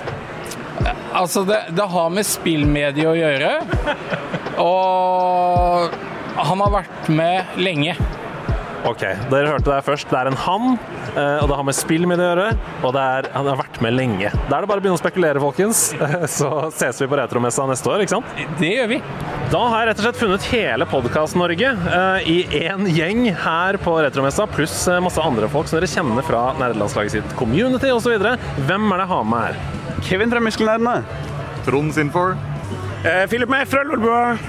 Håkon Punti fra Spill. Og Rikard fra Muskelnerdene. Er det sånn at alle spillpodkaster i Norge bare går rundt som en sånn klump i hele tiden eh, og er sammen som venner? Det er klart vi er venner. Bestevenner, jo. Det er så koselig. Hva hva er hovedgrunnen til at dere er her i dag? Det vi nettopp så i stad, det var panelet med Nobuo Uematsu. Men jeg har vært der i alle år siden jeg har arrangert det her i, siden 2014. Så for meg så er det mer årlig tradisjon å bare møte alle felles nerder, venner venner, bekjente i dette communityet. Dere som vi står sammen med nå, ja, alle sammen som hører på, som Ja, ja, ja. Ok, Um, Hva er hovedgrunnen til at retromessa er så viktig? Nei, altså Den samler jo hele Spill-Norge. Og så samler han familier som har nå barn, altså fedre, mødre som har barn, som husker det de vokste opp med. Og da vil de vise barna spillkultur, rett og slett. Er det noen som har inspirert dere her i dag til å ta med i podkasten framover? Blir jo noe med Uematsu, det. Var det noe som kom i panelet som var altså Svarte han på noe gøy, eller var det noe som overraska deg av svarene i panelet? Generelt sett så tok panelet for seg mye ting som du kan Wikipedia. Eh, som, som for så vidt er litt kjedelig, men det er selvfølgelig noe helt unikt med å høre han sitte og fortelle det, og spesielt med resten av bandet om hvordan de, hvordan de samarbeider, og hvordan de fant sammen, og hvordan de liksom fokuserer på å være venner og ha det hyggelig i tillegg til å lage kul musikk. Da. Så det er, det er veldig artig å høre det rett fra han. Det var ingen som spurte om han foretrekker ananas på pizza, f.eks. Ja, men ananas på pizza er jo helt konge! Og med det så er vi nødt til å avslutte dette intervjuet. Tusen takk, gutter. Da har jeg klart å surre meg bort til Norges beste gamer-standen her inne på Retromessa. Og hvem er det jeg prater med her? Hallais, jeg heter Bjørn Gisvold er fra Tromsø og jobber for Tweebit og er en av stifterne av Norges beste gamerkonkurransen. Altså, eh, Gamere elsker jo å konkurrere. Norges beste gamer, det høres ut som en drøm. Fortell hva det er for noe. Ja, Vi har jo e-sport i dagens eh, spillmiljø, og det er jo kjempefint for dem som elsker å konkurrere i kun ett spill. Men hva med dem som bare ja, liker å game for å ha det gøy, og game mye forskjellig som det kanskje ikke finnes konkurranse i? Det er der vi kommer inn som Norges beste gamer, og skal prøve å dekke all mulig type gaming. Vi har retrospill, moderne spill, konsoll, PC, VR, det kan være hva som helst. Og da har vi med oss fem eh, utfordringer til hvert sted vi turnerer til. Og da kommer man og spiller de fem utfordringene som kan være hva som helst. Men vi lager dem sånn at alt skal være lett å plukke opp, så lenge du bare liker gaming. Men fortell, nå holder dere på med qualifiers rundt omkring i Norge. Hvor er det dere skal de neste ukene, og hvordan kan man eh, melde seg på eller være med på de forskjellige kvalifiseringene? Eh, Full oversikt er på vår nettside norgesbestegamer.no. Eh, Nå er vi jo på retromessa. Neste helg skal vi til Oslo på House of Nerds, og etter Oslo så skal vi være i Tromsø, og helga etter der Bergen. Og så er det litt usikkert med dato ennå, men vi skal fortsatt til Trondheim og Bodø også. Så det er bare å melde seg på, folkens. Hvis du har Norges beste gamertalent i magen, hvis du sier til kompisene dine eller venninnene dine hele tiden altså, 'jeg er så god i alle typer spill', her har du muligheten til å bevise det.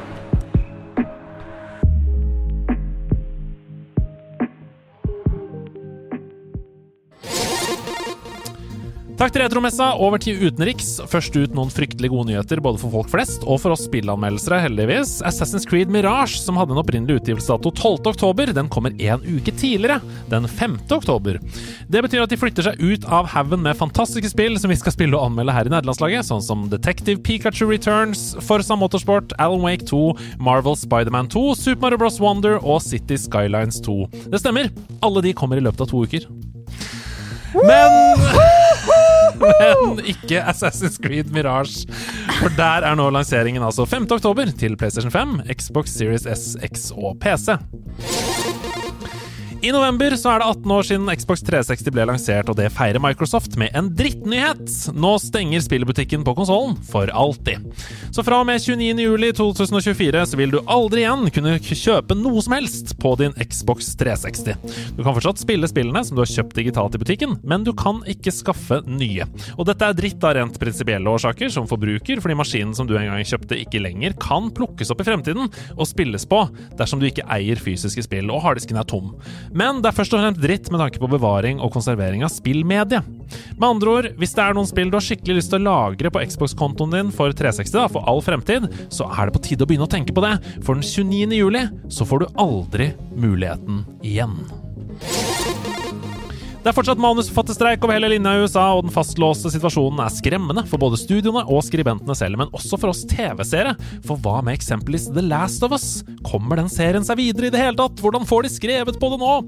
Det virker som om serieskaper Craig Mazin er i full gang med arbeidet, i hvert fall. For i et intervju med Hollywood Reporter så kunne han svare på antall sesonger for HBO-serien, og her kommer sitatet, gjengitt av gamer.no. Det kan ende opp med å bli tre eller fem sesonger, men fire virker som et godt tall. Pga. historien vi forteller, så vil noen sesonger trenge færre episoder, og noen vil trenge flere. Jeg vet ikke om noen sesongene vil ha samme antall episoder, men tallet er uansett ikke viktig. Det som er viktig, det er at når seeren kommer til slutten av sesongen, så tenker hen Wow, det var en bra sesong, konstaterte Mazin.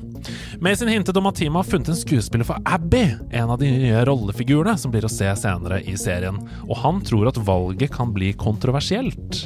Han sier Abby var den første rollen vi ønsket å få på plass. Vi har fått det for vane å avsløre skuespillere som får folk til å tenke Hæ? Virkelig? Og det vil sannsynligvis fortsette denne gangen også, så folk vil kanskje være uenig, men jeg mener at vi har tatt de riktige valgene. Sesong to av The Last of Us har foreløpig ikke fått noen premieredato, og pga. den nevnte streiken så lukter det nå langt inn i 2025 før vi får se oppfølgeren til den eminente første sesongen. Xbox har avduka et nytt system for å straffe spillere som oppfører seg dårlig. Det skriver gamer.no.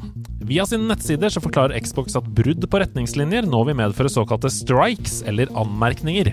Hvor mange anmerkninger spillere får, avhenger av hva de har gjort. Eksempel på ulike straffeutmålinger er f.eks. én anmerkning for stygt språkbruk eller juks.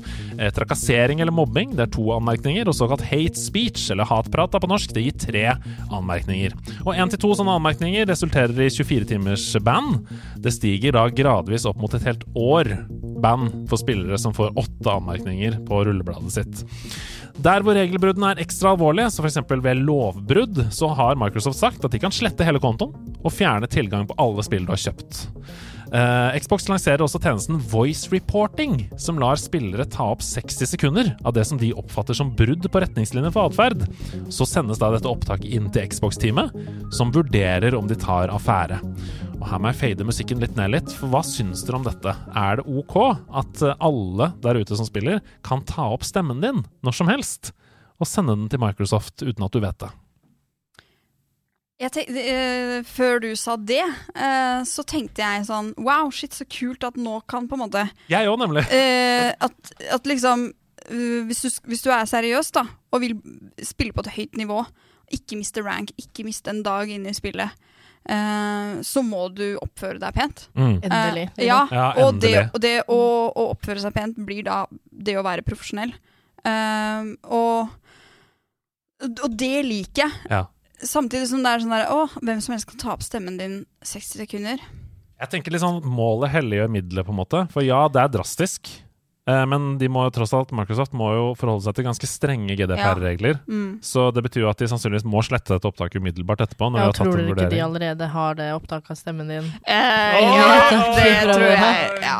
Altså, jeg tenker dette her Hvis du velger å spille online, så vet du allerede at det er andre som kan høre deg. Så om spillselskapet De kan Ja, jeg, jeg vet ikke. Jeg, jeg, synes, jeg tror kanskje jeg er cool med det. Ja, jeg også. Jeg tenker sånn, når du, når du kjøper en iPhone, så trykker du 'accept' på den brukeravtalen. Mm. Og der står det sånn 'Vi kan ha på mikrofonen til enhver tid'. Det står garantert det på iPhonen din. Ja, jeg er helt enig, altså. Det mm. Du spiller jo mye online nå, og møter jo på disse tingene. Å, gud. Mm. Det er altså Altså, det er mange ganger man kunne fått kasta ut folk der på et år, tror jeg. Ja. Eh, folk er stygge i munnen. Det er helt, helt fair. Mm. Send inn eh, Altså, det er jo ingen som kjenner igjen stemmen din. Altså, sånn, hvor mange mennesker er det på den jorda her? Hvor Mm. mange er det som gamer, liksom? Nei, uh, vi, vi, selv om det er litt sånn personvernsissues, så tenker vi vel at målet helliggjør middelet. På Ja. en måte, ja. Ja, jeg tenker det. Vi skal til værmeldingen. Det fortsetter å klikke i vinkel denne spillhøsten, og uke 34, som vi er inne i nå, det er jo intet unntak. Først ut så er det EA-utgitte singleplayer action-RPG-spillet fra Ascendant Studios, som heter Immortals of Aveum. I det spillet her, som ser ut som et FPS, så skyter du ikke på fiender. Du grisebanker dem heller, med ulike former for magi, eh, som du skyter av ut av hendene dine, på en måte, for å redde verden fra undergang, som i mange andre RPG-spill. Vi er lovet robuste rollespillmekanikker, en god historie og interessante bikarakterer i promoen her, men jeg er litt skeptisk. For det jeg har sett, det minner meg litt om viben til Forspoken, som jeg ikke syns var så veldig fett. Ja. Det hørte dere av min anmeldelse i fjor. Men vi får se, da. Hvem er jeg til å spå? Immortals of Aveum er ute på PS5, Xbox Series X og S og PC i dag. 22. august. Så hvis du liker FPS, men tenker sånn hm, kaste spells isteden, sjekk det ut. Steffen Lund anbefalte varmt Castlevania-klonen Blasphemous i forrige episode av Nederlandslaget, og da er det jo helt strålende at Blasphemous 2 er ute onsdag 23. august på alle konsoller og PC. Som i forgjengeren så er det i beste Castlevania-stil brutale kamper mot groteske fiender som er en av hovedattraksjonene. Blasphemous 2 der, altså. På alle konsoller og PC så kommer årets store FromSoft-spill, Armored Core 6, Fires of Rubicon. Lenge før noen hadde hørt om Demon Souls eller Dark Souls eller Elden Ring, så var Armored Core-serien det store fra FromSoft. Du kjører og flyr rundt i digre mechs med det enkle formål å skyte ned andre MEX, eller krigsmaskiner. Sebastian han er jo hypa som få for dette Mhm. spillet her, men om han liker det, det må vi vente på anmeldelsen for å finne ut av. Armored Core 6, Fires of Rubicon, ute fredag denne uka her. 25. august. Og til slutt så tar vi med oss nydelige Sea of Stars. Det er et superpent JRPG som har med seg Yasunori Mitsuda som komponist, og det er jo mannen bak musikken i annet Chrono Trigger og Chrono Cross, legendariske JRPG-spill. Sea of Stars det er et sjarmerende rollespill som blander gammelt og nytt, inspirert av det beste som turn-based japansk spillhistorie har å by på. Ute mandag 28. august på alle konsoller og PC. Ja vel. Ja vel. Mitt navn er Andreas Hedman, og dette her, det var Nerdenytt.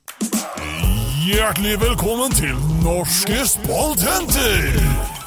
Hjertelig velkommen til Norske spaltenter, gameshowet der du, du, du lytter og spiller på nederlandslaget, har hovedrollen. Eh, hver uke så er det nemlig dere lyttere som sender en ny spalte som vi tester ut i podkasten. Eh, og mot slutten av sesongen så skal vi avgjøre hvilken spalte som blir fast i nerdelandslaget i 2024.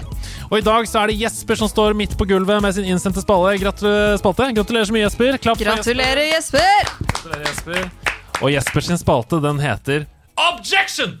Objection! Objection! heter Jesper sin spalte. Uh, jeg kan se for meg at dere er intrigued. Ja, jeg er spent, da. Ja, er spent. Og dette her er denne, denne spalten, eh, altså Norske spalthenter. Ja. Det er kanskje den spalten jeg gleder meg mest til. Fordi er, man vet ikke hva som kommer. Det er en slags godtepose med nye ting. Kan du si objection, objection med Michael Jackson-vibe? Objection! Der har vi rart. Objection det er spalten der hvor jeg, programlederen, Mhm. velger meg ut én spillfigur som jeg da leser opp noen påstander om. Mm. Og så er dere to spillere i gameshowet Objection! -hmm. Og oppgaven deres det er å rope Objection! Okay. når dere mener at dere hører noe som er usant Ja. om denne spillfiguren. Oi, spennende. Eh, dere er da nødt til å forklare hvorfor den påstanden jeg kom med, er usann. Mm. Dersom dere har rett i at påstanden er usann, altså hvis dere bare roper objection, dette er feil, så får dere ett poeng. Mm. Hvis dere i tillegg klarer å si hva det er som er feil, Mm. så får dere to poeng. Eh, og så går det over til den andre, da, hvis man sier objection og okay. det ikke er Da får man minuspoeng. Så man må også passe på liksom at Ja. man ikke bare roper objection. Du, det, da får du minuspoeng hvis det er sant. Hva om man aldri roper objection? Nei, da eh, har jo motstanderen mulighet til å få poeng, da, Ja. ved å rope objection. Hvis du tar én feil en gang, så skal jeg bare holde meg nøytral. Med andre ord. Da skal jeg bare sitte der og være sånn. Ja, For da må Ida gønne på for å få tilbake poenget sitt. Men dere kommer til å skjønne hva jeg mener med det Ja. siste. Altså det å forklare hva som er feil, Mm. når vi spiller. Er dere klare? Så rope, rope objection når dere hører en falsk påstand. Ja. I historiens første utgave av Objection så skal vi selvfølgelig spille om selveste Super Mario. Åh, ja, ok. Vi skal spille om Super Mario som karakteren. Ok. Her kommer den første påstanden. Ja. Eh, Sitt litt stille i båten, for dere må høre mye av, eh, mye av fakta før dere roper her. Mange tror at Mario sier 'It's a me, Mario'. Men det stemmer ikke. Både på TikTok og Instagram så har nemlig den virkelige bakgrunnen gått sin seiersgang i det siste. Itsumi er nemlig et japansk ord som grovt kan oversettes til, oversettes til superb eller great. Med andre ord så har Mario faktisk bare sagt navnet sitt hele tiden. Super Mario. Itsumi Mario. Og vi skal rope objection nå Hvis, hvis, hvis dere mener det er feil.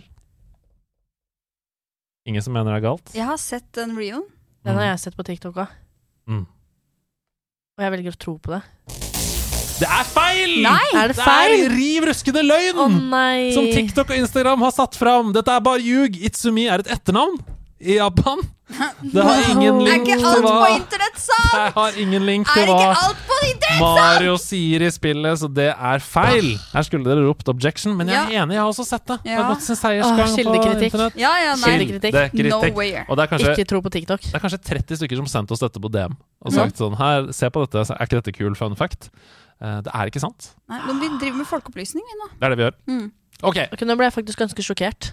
det skjønner jeg. Ok, her er eh, Det er null poeng til dere begge. Her er andre påstand om Mario. Mario het ikke alltid Mario. Det originale navnet til Mario var Jumpman, og det kom av en veldig enkel grunn. Han måtte hoppe over hindringer i sitt aller første spill, Donkey Kong, fra 1981.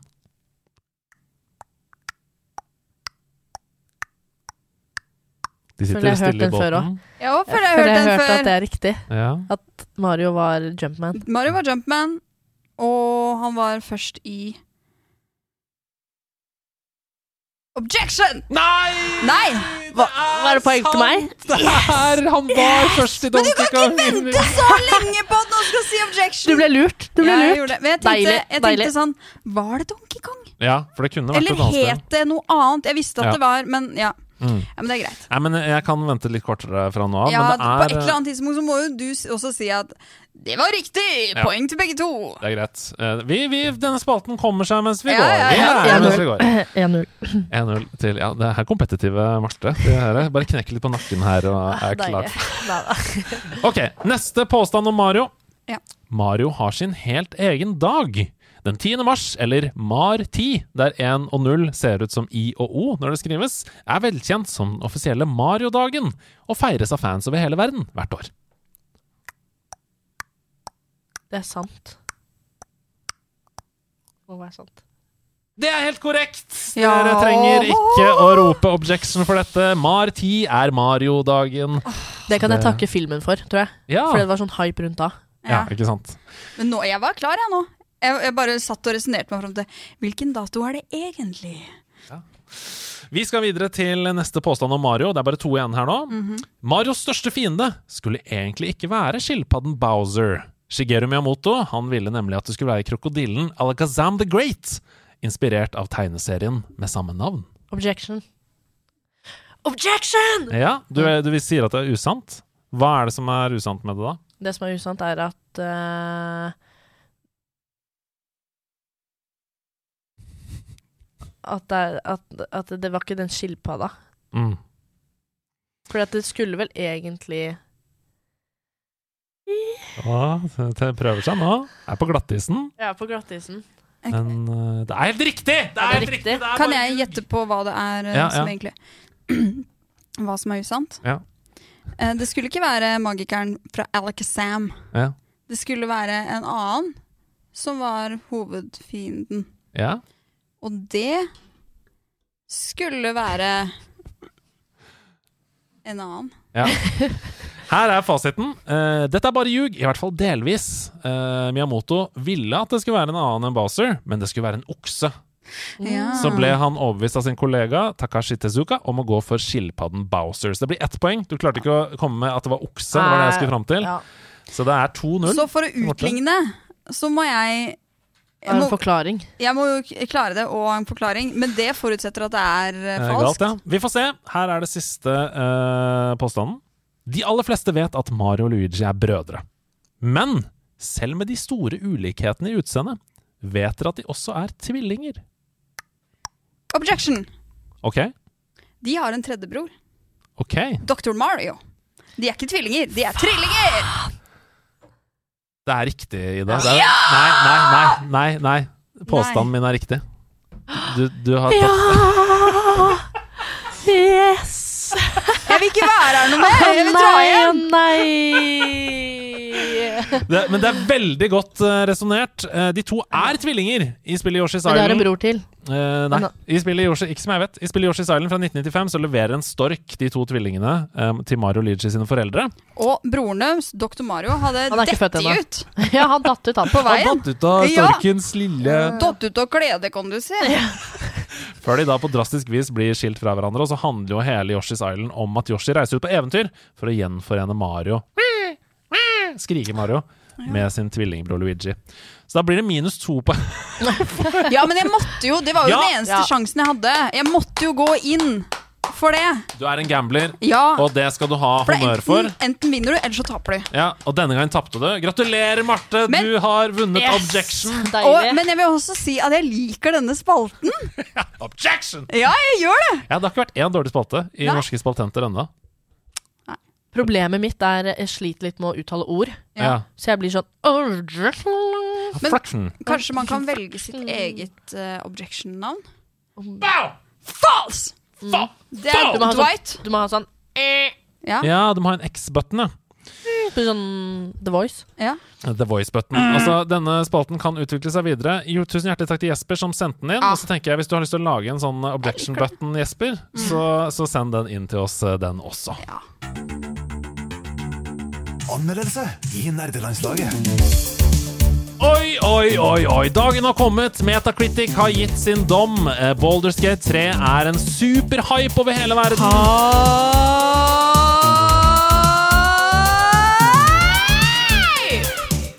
Men det har skjedd tidlig i nerdelandslaget at vi skiller oss fra konsensusen. At vi syns ting er dritt som andre syns er bra. At vi syns ting er bra som andre syns er dritt. Så vi får se da hva jeg syns om Baldur's Gate 3.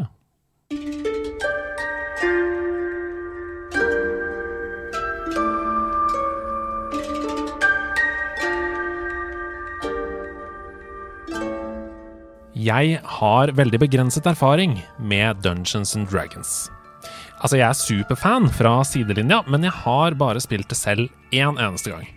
Det var imidlertid nok til å forstå hvorfor mer enn 50 millioner mennesker jevnlig spiller DND verden over, hvorfor en hel spillsjanger har vokst ut av Gary Gygax og Dave Arneson sitt spill fra 1974, og hvorfor fenomenet er renvasket av populærkulturen i Vesten de siste ti årene i så stor grad at vi nå til og med har en DND-film med Hugh Grant i en av rollene. Samtidig så er det uforståelig for meg at vi ikke har kommet hit tidligere. For hvem vil vel ikke leve seg inn i et fantasyunivers og være helten i et egendesigna eventyr, der hvor du i så stor grad kan ta egne valg at det ikke trenger å være legendarisk magi eller sylskarpe sverd som redder deg ut av en heftig bosskamp, men i stedet kreativ bruk av tau? Hvem vil vel ikke drømme seg bort i en verden der hvor vennene dine, familien din, mennesker du møter og skapninger som du redder eller trues av, alle har så tredimensjonale og interessante personligheter at det er vanskelig å skille venn fra fiende og virkelighet fra fantasi. Og hvem vil vel ikke sitte for seg selv, hikstende med en vondgod klump i brystet, kjenne tårene renne nedover kinnene etter at man har tatt avskjed med en venn som man håpa at kunne bli noe mer, men som ikke gjengjeldte følelsene. Kanskje man egentlig ikke vil det siste der, men du kan risikere å måtte det hvis du spiller Baldur's Gate 3. Refugees, adventurers, and even a drow. No one in years, and suddenly we're overwhelmed. Well met, and thank you for beating back those goblins. Most brave of you. Is there anything you need? Act fast if you do.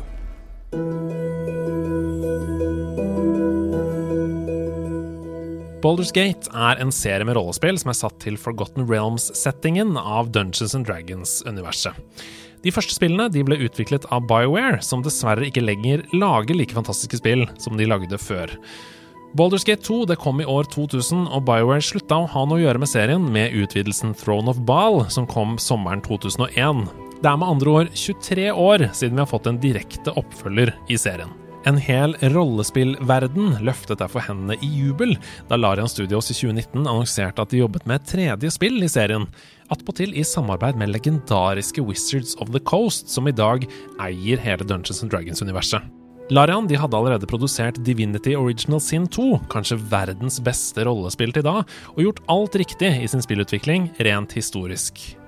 Og det så det ut til at de gjorde med Baldur's Gate 3 også, for i stedet for å benytte seg av Baldur's Gate IP-en som en slags cash grab, så gikk Larian sirlig til verks og risikerte mye rent økonomisk i utviklingen av spillet. Historielinjer og karakterer ble forkastet og skrevet om og skrevet om igjen, og selve spillet var i en betafase som strakk seg over flere år, der hvor spillernes tilbakemeldinger ble grundig lyttet til.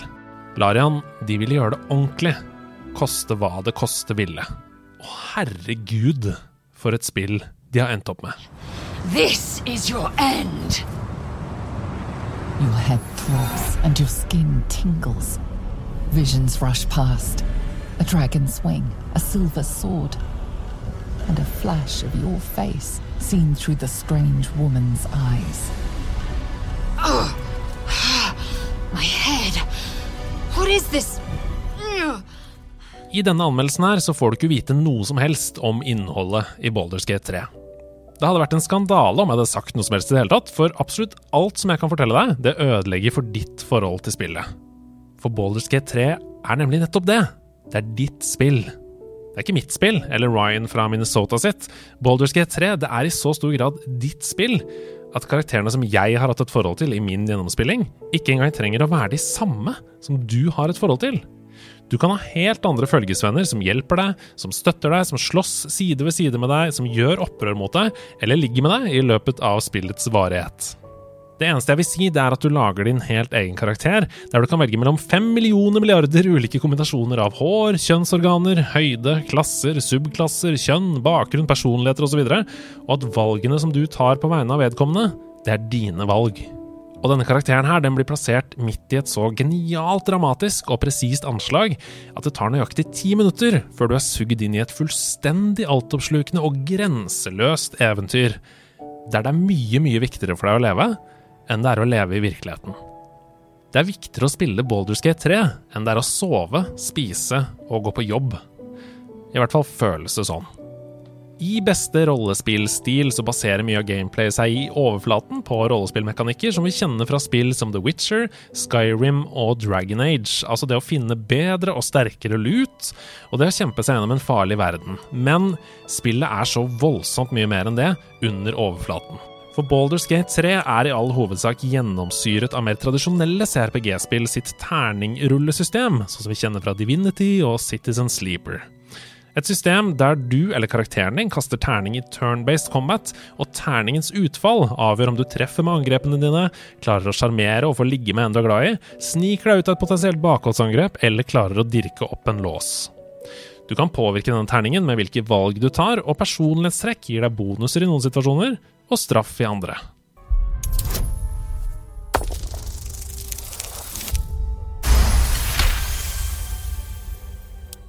Dette bidrar til å gjøre Baldur's Gate 3 jeg beklager at jeg gjentar dette mye til å være ditt spill. I hver gjennomspilling vil du oppleve helt unike gameplay-hendelser, der hvor du føler deg enten helt dust eller som verdens smarteste menneske, avhengig av terningens utfall. Jeg kan ikke få sagt hvor dust jeg følte meg da jeg med overmot bordret en båt og innså at jeg sto i en helt umulig situasjon.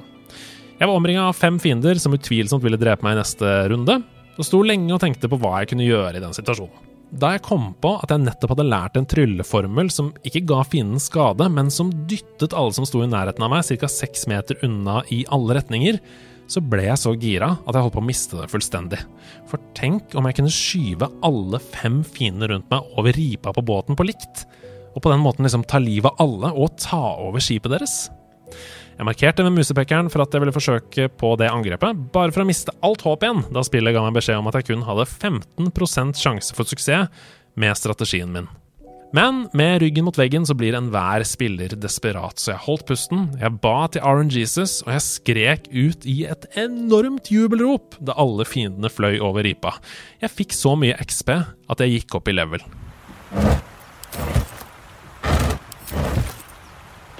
Fresh water. There must be a settlement somewhere nearby. No traps, please. Og det er disse øyeblikkene som Baldur's Gate 3 handler om. Og grunnen til at du kan oppleve dem, det er at Larian har lagt all sin kjærlighet, alt sitt talent, søvnløse netter, blod, svette og tårer ned i denne kjærlighetserklæringen til rollespillsjangeren. Alle karakterene du møter, forholder seg ulikt til deg som spiller, ut fra hvem i din gjeng du selv velger å bruke til å snakke med dem. Hvis du møter en bartender som du gjerne skulle hatt en gratis øl av, f.eks., og har en bard i gjengen din, så har hen helt andre dialogmuligheter med denne bartenderen enn en druid i gjengen din.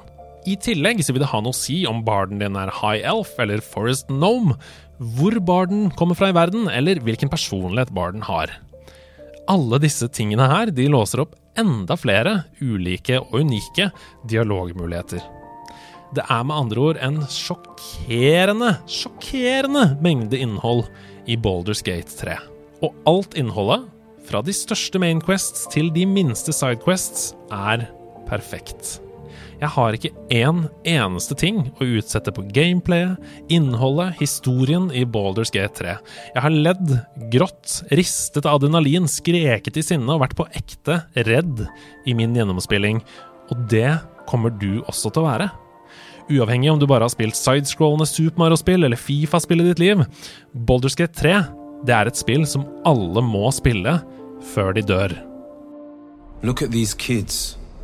They've no chance on the road, not while goblins infest it. I've got the grandest of plans. What say you? Og derfor så er det så trist at jeg ikke kan gi det 100 av 100. For jeg, jeg har spilt Baldur's Gate 3 på en PC som har specs som Larian selv ikke omtaler som minimum, men som recommended på sine egne hjemmesider, og likevel så har jeg opplevd relativt store tekniske problemer. Det gikk strålende i begynnelsen av spillet, som er den delen som har vært i åpen beta i flere år. Så ble det litt verre mot midtdelen av spillet, og så gikk det påfallende mye dårligere mot slutten, der hvor spillet til og med hardcrasha tre-fire ganger, og jeg måtte gjøre deler av valgene og historiene om igjen. Det ble etter hvert en rutine for meg å trykke F5 for quick save for å unngå å miste fremdrift, og det er jeg dessverre nødt til å trekke noe for. Når det er sagt, så hadde disse tingene irritert meg mye, mye mer om det var andre aspekter ved spillet som jeg også ikke likte, sånn som det var med f.eks. Cyberpunk 2077. For det skal sies, jeg trykka også instinktivt på quicksave da jeg spilte det tekniske makkverket, men fantastiske spillet, Skyrim på PS3 i 2011, og det ødela ikke spillopplevelsen min den gangen. Thank you again for your help out there. We're raised to fear the drow, but you've earned your place here. I'll make sure everyone here knows that. Baldur's Gate 3 er for meg tidenes beste rollespill. Ingen andre kommer i nærheten, ikke engang Larian selv med Divinity Original Sin 2. Det er et spill som du er nødt til å spille, og et spill som jeg vanskelig kan se at kan overgås i sjangeren i all overskuelig fremtid. Jeg trekker to lusne hedermenn for teknisk trøbbel og gir det 98 av 100 hedermenn før jeg begynner på andre gjennomspilling. For jeg er blitt avhengig av alle følelsene som Baldur's Gate 3 vekker i meg. Og jeg vil ha mer.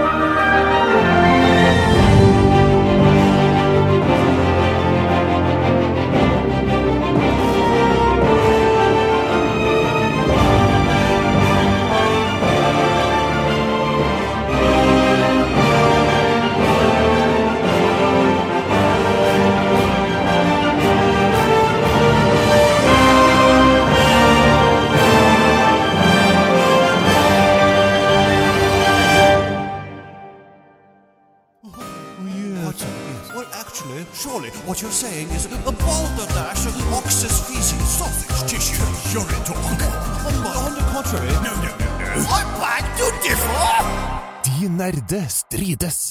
Stemmer det! Jeg, jeg var litt sånn Hva er denne introen?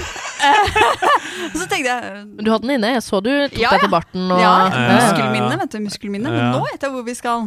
Marte, nå er det du som skal få lov til å på en måte skinne, men også brenne ned studio litt, da. Mm. Hva er det du mener om gaming som er så fryktelig kontroversielt? Den her satt jeg liksom, jeg b- b- b- liksom tenkt litt på. Og mm,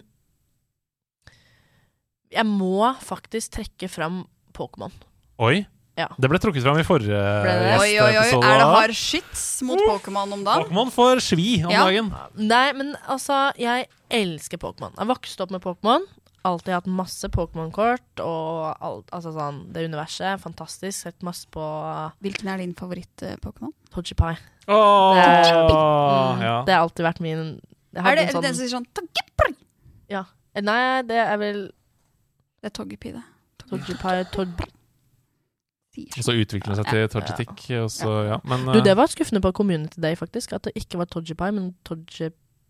Den utviklingen. ja, tikk. Mm. tikk ja. ja. Holdt på å si noe annet, så Ja.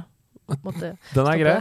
Hva, eh, nå har vi fått vite din favoritt-Pokémon, Ja. men du har en kontroversiell mening. Ja, nei, jeg bare syns det er Her kommer de mm, hvis, eh, med liksom nye spill som er lagd sånn som Tears of the Kingdom, da. Og brukt Mm. liksom ti år på det. Altså sånn Kommer, er dritbra. Mm. Mens Pokémon kommer hvert år med et nytt spill. Mm. Som ikke helt holder Mm. mål, kanskje. Mm. Um, først kom det jo med den der Arceus Mm. Arcus-spillet. Som jeg var sånn datt litt av. Uh, gledet meg til å spille det, og sånn. Og så kommer de Gamefreak med nå da Scarlet Violet, Mm.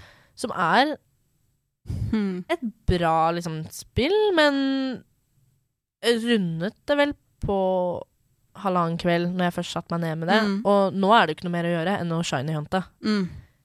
Um, Hva syns du om grafikken? Uh, kanskje ikke så bra, det. Det så bra. Stian har vært på en superrant denne uka. her Yes. Så han har tatt opp Scarlett og Violet igjen. Så han har Ja. skrevet i vår interne WhatsApp-gruppe og sendt sånne screenshots og sånn han altså, det opplever. glitcher jo. Altså, bare, det er Hva sånn- faen er det her, Ja. da? Hva faen? er slags rendering distance er det her, da? Jo, du er veldig god fra på Stian. Sunnmøre nå, Ja. plutselig. Jeg vet ikke hvorfor. Stian! Hva faen er det? Nei, men eh, det, mm, det kunne vært så bra, da. Mm. Ja. Men så velger de å liksom komme med nye hele tiden. Altså, hvorfor komme med to av samme spill hvis de ikke har klart å lage ett bra? Ja, ja, du- ja. Eller sånn Ja, det der har vi diskutert litt før også, fordi mange sier sånn Å, det er eh, bare for å selge mer at de kommer med rød og blå. Scarlet, Violet, Ruby, Sapphire. Men det er faktisk liksom, i kjernen av Pokémon sin utvikling så handler det om å trade. sant? Så det er ikke Mm. meningen at du skal kjøpe begge. Du skal kjøpe ett, og så kan vennen din kjøpe et annet. Ja, Så for at det dere skal gjort. møtes. Det er på en måte meningen, da. Ja. Men, eh, men ja, jeg er helt enig i denne kontroversielle meningen. Jeg elsker Pokémon, og jeg syns det er en skam at de gir ut et spill hvert år. Det er eh, forhastede prosjekter som er uferdige. Mm. Scarlett og Violet burde vært ett år til i utvikling. Ja, og, og bare det derre Altså, jeg elsker jo at, det, at ting blir utviklet og sånn. Men de der nye designene på de Pokémonene Altså Det ser jo ut som det er uh... Det her er noe de har gjort Det Det er, er Disney Channel, liksom. Ja, det er litt sånn eh, De har en sånn doplikt. Hvis du skal sitte mer enn ett minutt på do, så må du finne på en Pokémon før du får komme tilbake igjen. Det er litt så, ja, det er, det er sånn de jobber. «Å, jeg har en idé om uh, Se for deg på en måte, det er et blad, og så er det ett øye. Det er jo en slags po... Det heter, eh, det heter uh, Lefi. Ja, ja, ja. Det er Eilif. Eilif. Eilif! Pokémon Eilif! Men tenker Du hadde kommet ut av do. Ja. Fort. Fort. Jeg mista nøkkelknippet mitt på bakken her nå. Jeg tenker Klefki eller noe. Ja. Kan ikke være en Pokémon der? De nøkler og Det er jo en Pokémon. Nei, men Jeg vet ikke hva den skal hete. Unknown, kanskje? Altså, ja, Ja, det er jo ja. helt eh, Og så finnes det 10 000 av den, da. Ja, ja, ja. ja, ja. I forskjellige bokstaver. Eh, nei, jeg er helt uh, Dette er en kontroversiell mening for noen, men jeg tror i dette rommet så er vi ganske enige. Eh, de eh, i motsetning til Baldur's Gate 3, som vi hørte i anmeldelsen, som i det, ikke i det hele tatt er en cash grab av den IP-en, så er jo Pokémon dessverre redusert til liksom et kommersielt typermonster i spillform, da. Jeg syns jo Legends Arceus turte å ta noen tøffe valg, og Ja, gå litt liksom andre veien. Men de, må, de må ta seg bedre tid, altså. Altså så mye dødspace Ja, i det spillet. Du bare løper og løper og løper, så er det sånn Å, der borte er det et slott. Mm.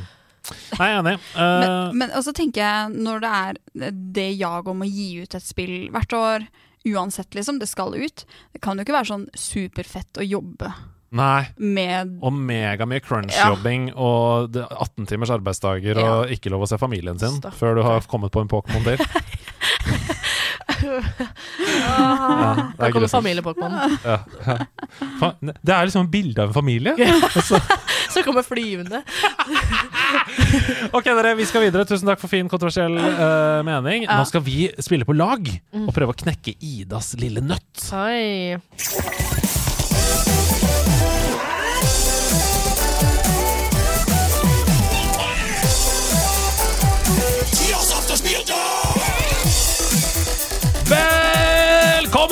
Til Tears of the Spieldom!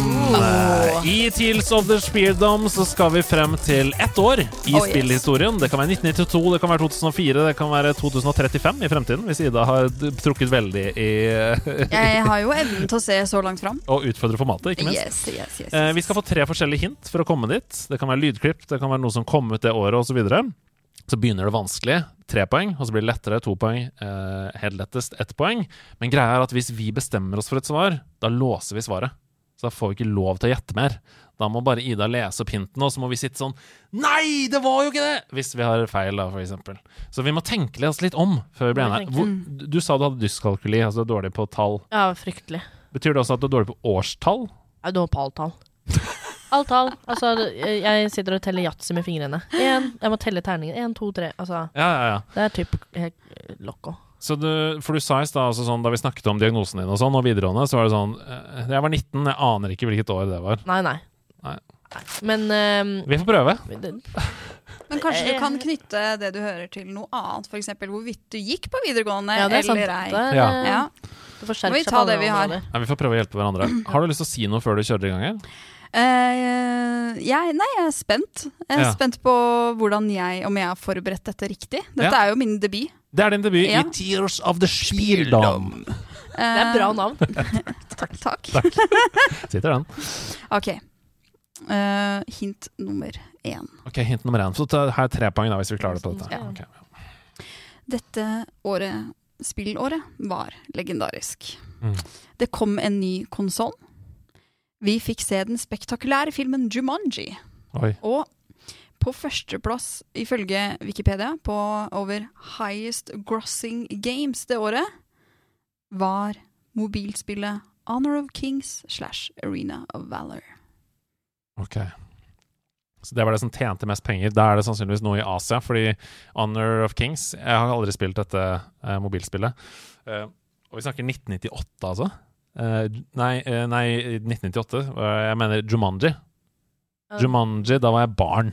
Da Ja, altså, jeg var- jo født i 97, så Ja.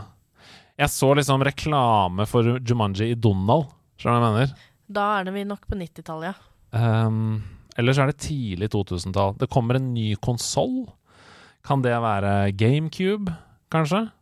Eller kan det være PlayStation Kan jo være, altså, det kan jo være hva altså, ja, Jeg bare husker at Jumanji-reklame var i Donald. Og da er jeg ung når jeg leser det. Hvor gammel var du da? Altså, jeg er født i 88. Eh, og jeg leste nok Donald helt til jeg gikk i 7. klasse, liksom. Det er eh, 2000. Mm. Så jeg var veldig Ja, glad da sier vi. Eller skal vi vente på neste? Jeg tror vi må jeg, jeg vet ikke, jeg har ikke hørt om det mobilspillet heller. Eh, og at det var mobilspill i det hele tatt på den tiden, er jo amazing for Ja, meg. men- 98. Ja. Men det må man også ta litt i betraktning. Ja. Jeg så for meg at du skulle komme sånn spille Temple Run eller noe. Da Ja. hadde jeg vært her. Men Jeg, jeg har liksom sikta meg nå inn på 97 til 2001 okay. i det området, men jeg klarer ikke å si noe nærmere enn det. Så jeg tror vi må ha mer hint. vi må ha mer. Ja. Da må jeg be deg om å spille av oh, ja. eh, et lydspor. Okay. Um, så får vi håpe at ikke vi sprenger øra. Da får vi prøve på det. Mm -hmm. uh, skal du snakke noe oppå, eller skal vi bare høre på dette? Dere kan uh, høre på dette og se om dere kjenner igjen hva dette kan være. Ok. ter paixão, não quiser sofrer, sem fazer planos do que virá depois. Er dette en Disney-film eller noe? O meu coração Hmm. pode amar. Jeg ikke Jeg vil anta Oi! at i hvert fall du, Andreas, du har hørt denne sangen. Obrigado. Obrigado, sier Du, hun sier du burde ha hørt denne sangen. Ja, så da er det sikkert Eurovision, da. Eller noe sånt. For jeg er veldig Eurovision-fan. Uh, men, uh, men jeg var ikke det Eller da var det sånn jeg så på med familien. Men jeg har ikke noe minne av denne sangen her, altså. Obrigado. Til slutt. Obrigado. Obrigado. Feel the tea. Nei, Obrigado. ikke Hvilket noe- språk er det? Ja, det er jo portugis eller Spania. eh, Portugis, ja. Portugis. Så er det enten Brasilia eller Portugal. Um, kan det være et mesterskap? Kan det være fotball-VM? Mm, nå tenker du klokt. 1998, da er det jo VM i Frankrike. Uh, Jeg føler jeg sitter der og bare er sånn øh, øh. Hvis det er mesterskapsår, da, i fotball. Ja, hvert fjerde. Ja, eller hvert andre hvis det er EM. EM, Så det er 98 VM, 2000 EM, 2002 VM. 98 Frankrike, 2000 eh, Spania, tror jeg, og 2002 Sør-Korea. Ja, men da er vi på 2000 nærmere. 2000. Nærmere 2000. Jumanji, ny konsoll. Vi må ha et hint til, altså. Jeg Ja, klarer ikke hint dette til. på tier 2. Siste hint. Hva var det som var årets beste spill? Var det, det var det stor uenighet om. Ja, Var det et Mario-spill? OK. Et Zelda-spill? Oi. Et Tekken-spill? Eller Horizon? Horizon?! Ikke Horizon Zero Dawn. Nei, det kan det ikke være. For det kommer jo Hæ? Altså, jeg, Å ja, du har, du, det er den nye Jumanji-filmen! du snakker om? Å, du pranker oss. Nei, det er den nye Jumanji-filmen! Var det et Ok, ta det siste hintet en gang til. Var det et Mario-spill, et Zelda-spill, et Tekken-spill eller Horizon? Ikke sant. Hvis det var Horizon, da er vi på Breath of the Wild, da. Mm. Og da kommer det en ny konsoll. Da er det Wii U som kommer. 2016. Ja, jeg er med på den, jeg. Tekken Ja, ja, ja. Jeg vet ikke. Altså, når du sier Tekken og, og Zelda og Mario, da tenker jeg jo uh, Ocarina of Time og Super Mario 64. Da tenker jeg mange, mange, mange. Da tenker Ja. jeg 2000. Ja, eller 98, 99. liksom. 98-99. Men når hun da sier Horizon på toppen, så blir jeg helt satt ut. Kommer en ny konsoll, Wii U 2016. Jeg må bare si det, altså. Jeg tror jeg må være Jeg, det. altså, jeg tror det er du som er eh, the carrier her, Eh, så vi tar 2016. Er du med på det? Ja, ja, ja. Da låser vi svaret 2016. Svaret er feil. Ok. 2017. Nei, din gamle rev! For når kom Nintendo Switch? Å ja! Det kom med Breath of the Wild. Switch, men Breath of the Wild kom jo på Wii U først i 2016. Det kom Nei. før. Jo, Gjorde det kom det? før eh, til Switch. Ja, ok. Eh, eller kom det samtidig, men også Jeg på mener Wii U? det var et av release-spillene til Switch. Ja, det var det. Ja. Men, men det kom til Wii U også. Jeg må bare sjekke dette. Men i uh, hvert fall, dere var langt ute på viddene. altså, jeg, jeg hadde sikkert vært sånn Horizon, ja.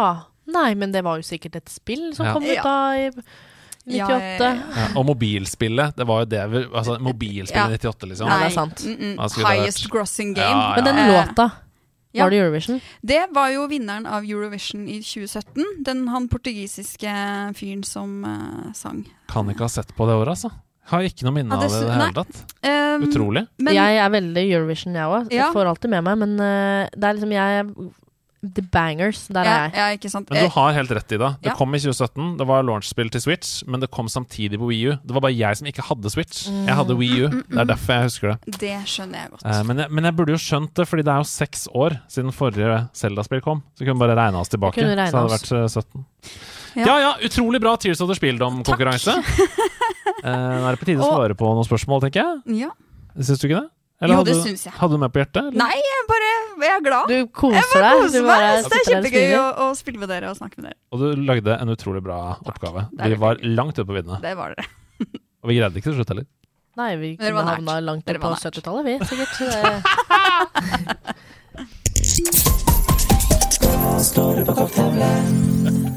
Uff a meg. Jeg er skuffa over at mobilspillet 98 at jeg ikke men, ja. Ja, ja. Vi har fått et spørsmål om spillmotivasjon, som sikkert alle kan kjenne litt på. Det er et spørsmål som har blitt luftet tidligere her i nederlandslaget, men den siste tida så tar jeg meg selv i å spille spill som jeg kan, og som jeg har mange timer i fra før av. Jeg prøver noe nytt, men det kommer en slags sperre, og så gir jeg det ikke en sjanse lenge nok før jeg går tilbake til det trygge. Jeg vil veldig gjerne kaste meg ut på nye eventyr, så jeg trenger noen gode tips til hvordan jeg kan komme meg over denne seige kneika, sier da DSP. DSP og jeg er i samme båt, da. Mm. Mm, så um, Bare at du er skytterprinsesse, og han er ikke det, på den båten. yes, Yes, hjemme. Nei, men så Men eh, tips, ja. Det her, ja. Det jeg tenker umiddelbart, er i hvert fall um, Det som er farlig, syns jeg, hvis man er veldig inne i et spill som man liker så sykt godt, og man har en tendens til å falle tilbake til Det vanskeligste er jo å finne et godt erstatterspill som er veldig likt Mm. det du allerede elsker. Eh, Ja, for da, da sitter du bare og sammenligner. ja, du Mm. gjør det. Um, så kanskje det er en god idé å prøve noe som er ganske annerledes enn det du allerede har en tendens til å falle tilbake til. Mm. Og er man vant til å spille aleine, så kanskje man skal prøve å spille sammen med noen. Mm. Er man vant til å spille sammen med noen, kanskje man skal teste uh, en annen, enten en annen form for å spille sammen, eller å spille et solospill. Um, ja, det tenker jeg. Og der er, her er jo GamePass igjen, må jo trekke fram det Ja, som som et godt alternativ til å Ja. teste nye sjangere uten Ja. at det koster skjorta, liksom. Yep. Mm. Jeg syns det er gode tips. Jeg tenker også at det spillet som du er glad i, det forsvinner jo ikke. Nei. Det har du jo. Så ikke vær stressa for at du ikke skal få spilt det nok, for det ligger jo der. Eh, så det kan du jo legge til side en periode. Så er det jo sånn at hva handler spill egentlig om? Det handler om å ha det gøy. Mm. Eh, og hvis det er sånn at du akkurat nå har det mest gøy med det spillet som du har spilt mye, så må du Så- ikke føle på dårlig samvittighet for at du liker å spille det. Fortsett å spille det, da vel. Ja. Um, og så er det også sånn at de aller fleste spill De krever en del av deg for at du skal komme inn i det. Sånn var det med det spillet du refererer til her også, som eh, DSP. En eller annen gang i tiden. En eller annen gang så var det det spillet du måtte lære deg. Mm. Eh, og så kom du over den kneika, og så er det tungt å skulle begynne. Det er tungt å lære seg nye språk, det er tungt å lære seg nye ting i en Mm. alder av uh, samme hvor gammel man er, liksom. En man gjør bare de samme tingene. Så bare, bare føl på det at det er greit å være dårlig i starten. Og det viktigste er bare å prøve å tenke sånn Er det noe her jeg liker? Hva er det jeg syns er gøy med dette? Og så prøve å fortsette å bade i det, da. Men man må bare ta en pause også fra spilling en periode? Se på film, se på serier, lese bøker, gjøre noe annet. Spille litt brettspill. Ja, for eksempel. Og så prøve å komme tilbake igjen til Mm. en helt ny spillopplevelse. Mm. For da er du så sulten på spilling Mm. at det er sånn, da gir du det kanskje også en sjanse. Hva tenker du? Ja. Ja, altså um, jeg, det, det du sier, det med eh, å liksom finne en sånn spesifikk ting i spillet som blir en sånn drafaktor, det er jo meg når jeg spiller Selda. Mm. At jeg blir sånn Blir litt overstimulert. eh, mye som skjer. Og så blir jeg sånn OK, men jeg må fokusere på noe Mm. som jeg er sånn Det syns jeg er gøy. Mm. Og da bare gjør jeg det, akkurat det i den perioden. Og så kan jeg være sånn Å, nå har jeg lyst til å teste noe nytt. Så jeg gjør liksom ikke alt med en gang. Fordi Mm. Da ender det opp med at jeg bare løper rundt og plystrer på den der Og så blir jeg helt sånn fra meg, ikke sant.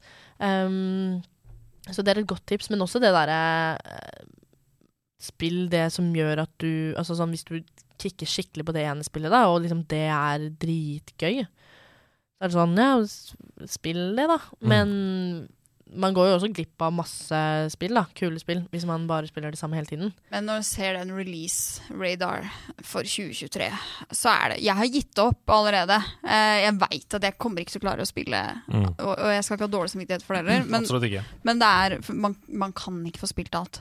Nei, jeg tror at det Eh, og- året her er så insane at vi eh, mot slutten av året, når vi skal kåre Game of the Year, så kan vi ikke bli enige. Nei. Vi må bare gi folk vår topp fem-liste, Ja. og så må det være greit. Fordi jeg kan ikke få spilt alle spillene som du har spilt, og Mm -mm. du kan ikke få spilt Jeg har brukt 70 timer på Breath of the Wild, 60 timer på uh, Bolger Gate 3, 40 timer på Pikmin 4. Yes. Det, er bare, det er ikke nok timer i døgnet til å komme gjennom. Hvor mange timer skal du bruke på Star? Starfield, Ikke sant? 100 da. Ja. på Starfield, som kommer nå. Så det er bare Ja. Uh, ja. Snakkes! Det er godt Snakkes. sommeren snart er over, så man kan liksom ligge inne og Så jeg håper på dårlig vær. Ja, Det er nesten så jeg håper på en ny koronabølge, men det sa jeg ikke høyt. Men, eh, men ja, du skjønner. Det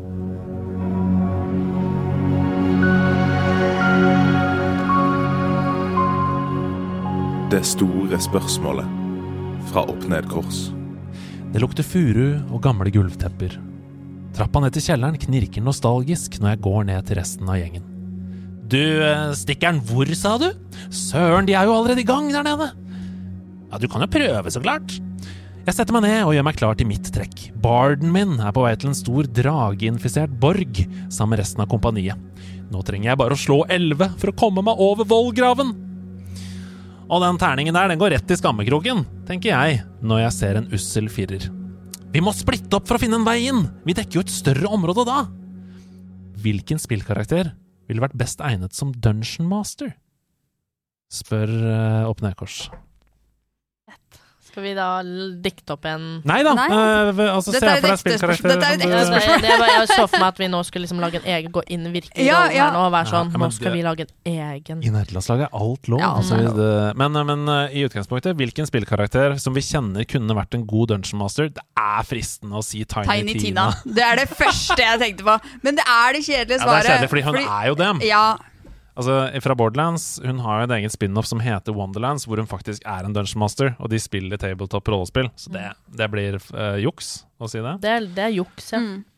Jeg tenkte også på at uh, jeg bare har Jeg tenkte av en eller annen grunn på Ellie. Ja! Us, Hun har opplevd mye, da. Hun er veldig interessert i nerdekultur. Ja. Uh, og hun har også en Hun har jo eh, øvd seg på kreativitet og fantasi Ja. uh, i sitt liv. Absolutt. Uh, så jeg tror på en måte det kunne vært veldig sånn hvis man hadde bare gitt henne en DND uh, Players Handbook og Mm. litt sånn inspirasjon, Der er du god. så tror jeg det kunne vært skikkelig kult å sett bare hva finner hun ut av at hun skal gjøre. Men også gutta i Stranger Things, da. Ja De da. spiller jo bare Og Stranger. Things er jo også et uh, mobilspill, vel, nå? Ja, så, det kvalifiserer som uh, Jeg vil si at det er spillkarakter. Ja, spillkarakter. Men jeg vil uh, uh, bare grave litt mer i Ellie, for både i part 1 og i part 2 så lever hun seg jo inn i fantasiverdener. Hun gjør det. I det første spillet, hvor hun spiller et fighting-spill, altså Street Fighter-klone, hvor hun da ser for seg alt som skjer, og det kommer sånn «Hå! Ka!» inn i hodet hennes og sånn. Og i andre spillet, hvor hun sitter i en romrakett og later som hun er astronaut. Mm. for en bra karakter. For en bra Ja, det er karakter! Sykt. Ah, Det er en grunn til at vi har henne på veggen her på Hasse Nerds eh, sammen med andre kule damer, sånn som Shamus og uh, hun fra Tears of the Kingdom. Husker ikke hva hun heter. Anyways, jeg tenkte på Cass fra Breath of the Wild, som spiller trekkspill. Ja, Wow, wow, wow, wow. Men uh, jeg tenker det er nesten enklere å svare på hvem ville du absolutt ikke skulle vært dungeon master? uh, på en måte Da tenker jeg med en gang sånn claptrap. Det er, det er, Ja, det er veldig irriterende. Det har jeg ikke lyst til. Eh, Jeg tenker også på noen med dårlig attention span, som Ja. bare flyr rundt i rommet hele tiden. Sonic, for eksempel. Ja, ja. eh, no thank you. Ja. No thank you. Ja, ja. Eller liksom hodet de er inni i Psychonauts. Ja, godt poeng. Ja, jeg liksom har ikke lyst til å bli, være i det universet. Hva med en tekst, toxic motspiller fra Call of Duty Online? Uh, Warzone? Mm. Ikke DM. Nei, da tror jeg ikke du kommer Det, det er mye verbal bruk, så jeg Mm. tror ikke man eh, løser eh, verdensproblemene sine av det.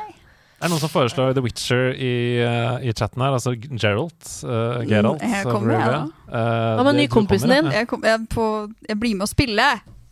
Han er den nye kompisen din. Ja. Metrix? Nei, hva het den? Metrix? Nei, Merex! Merek! Ja! Ok, vi, Ja! vi svarer Ja, ja. Merek. Jeg vil på, jeg vil på eh, Dungeons and Dragons med Merek. Vi tar det siste spørsmålet denne uka her. Eh, takk for gode svar hittil. Jeg ble litt inspirert av spørsmålet spørsmål på korktavla med Ahmed, spør Chanticleer. Eh, hun skriver Jeg var i en begravelse til en fellow meganerd som dessverre gikk bort i slutten av april. Han var supernerd, og spesielt Star Wars og Lord of the Rings. I begravelsen hans så forsto heldigvis broren hans hva som skulle til for å gjøre begravelsen spesiell og personlig. Eh, Loter og Star Wars-musikk spiltes, folk skrev 'May the Force be with you' på blomstene, Eh, men det aller beste det var at det lå en grønn lightsaber på kisten. Under talene til presten så sluknet lyset på lysverdet, og en gammel mann snek seg opp kirkegulvet og håp om å ikke bli lagt merke til, bare for å slå på lyset igjen. Det han ikke visste, det var at dette var et sånn proft lysverd med lyd. Så presten sier fine ord i begravelsen, og midt i en setning hører vi fra lysverdet. Dette fikk oss alle til å le, og det lettet fint på stemningen i begravelsen. Det er koselig, da. Mm. Det er jo åpenbart i han som har gått bort sin ånd, dette Mm. her. Hva slags tema ville dere hatt i deres begravelse? Spør Chanticleer. Nerd in peace, hjerte, Nerd skriver han. Dungeons and Dragons. Ja, det er gøy, da. Og så står det en sånn bard i inngangsdøra i kirken og bare tum, bring, ging, bram, bring, bom, bom, bring, og går inn. Hva med sånn Sims? Som mann med ljåen og Alle går rundt med sånn over hodet. Ja, og så kan du liksom se Og så er det en sånn faktisk rød, helt rød sånn diamant over kista. Og så hvis du egentlig er i den begravelsen og ikke er lei deg, da, så er den grønn. Ja! Det, dette er gøy, Sims. Hva skal Zoot, zoot. Ja, Ja. alle talene er bare sånn Ja. sweet, sweet, sweet, yeah, Og så står bare alle sånn med hendene opp i været og prøver å komme seg en vei. Tragiske. Jeg hadde Sims-tema i begravelsen. Kanskje litt morbid um, å ha Dungeon altså, Hva heter det? Graveyard Keeper som tema. Som er et spill hvor du skal passe på en kirkegård, og folk står opp fra gravene sine og Jeg kunne tenkt meg, vet ikke, jeg synes sånn, Hva med en sånn Artful Escape? eh, Oi! Helt sånn- over the top. Ja, Masse helt- farger. Det er kirkeorgelspiller, det er en fyr på, eller en Flying dame V. på Flying V som bare shredder, og så er det bare masse sterke farger. Ja. Tror alle bare Står en rundt. regnbue opp av kista, liksom. Yes. Hva med det er sånn Fall Guys? Alle for å komme seg fremst til eh, For å kunne være med i, i begravelsen, så må du liksom bare For å komme til første rad. Ja. Hvis ikke Nei, uff, jeg skal ikke dra den lenger, men ja. Nei, jeg syns det var gode svar, dere. Ja, men jeg Eh, likte veldig godt den anekdoten fra den. Uh... Ja, veldig hyggelig. Tusen takk for innsendt Helt på eh, slutten av korktavlen kan jeg komme med en shout-out. Absolutt. Shout-out til Ola Haldor, Hei, som Ola Haldor. er supercreator i Farming Simulator. Som blant annet har laga mappet Rennabu. Shout-out til deg. Shout-out til deg. Rennabu er et nydelig map i, i Farming Sim. Mm. Um, vi går til Hidio Kojimas rike.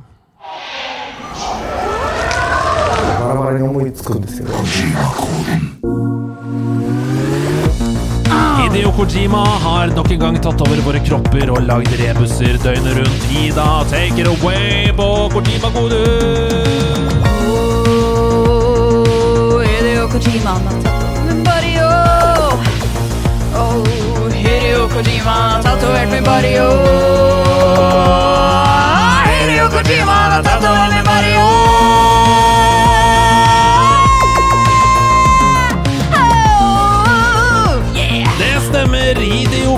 Kojima, Jima, Jima, Jima. Han utvikler seg som kunstner, og det betyr at vi også blir utviklet. Uh, Hideo Kojima han har tatt over både din og min kropp denne uka, Ida. Det betyr at vi må løse Kojima-koder. Ida har laget en som vi må, Marte og jeg, altså vi må slå sammen og prøve å løse sammen. Og Det er altså en rebus, hvis du ikke har hørt om dette før. Der hvor vi må finne hvilket spill det er som skjuler seg. Men du sa at uh, Hideo Kojima utviklet seg. Ja. Hva heter ut, altså Pokémon-utviklingen av Hideo Kojima? Uh, Hideo Kojami. Ja, ok. Det er neste level. Ja. Og så er det Kojumo, Kojumo. som er den øverste. Så Kojima, Kojami, Kojumo. Det er de tre. Takk. Det var bare det jeg lurte på. Ja. Det er litt sånn ring, rang, wrong, det eneste verbet jeg kan bøye på. ring, rang, rang. Høres ut som en barnelek. Ja, ja. Skal vi spille ring, rang, rang, eller? uh, Det er nye Pokémon. Ja. Evolusjonen. Hva er din Kojima-kode denne uka? Uh, vil du ha svaret? Nei, det vil jeg ikke. Nei. Jeg vil ha oppgaven. Det er uh, en lydfil. Okay. Det er kun ett ledd der. Ok. Mm. Da må vi prøve å jobbe sammen, da. Finne ut av hvilket spill vi skal fram til. Jeg tror ikke det er så vanskelig. Ok, her kommer lydsporet.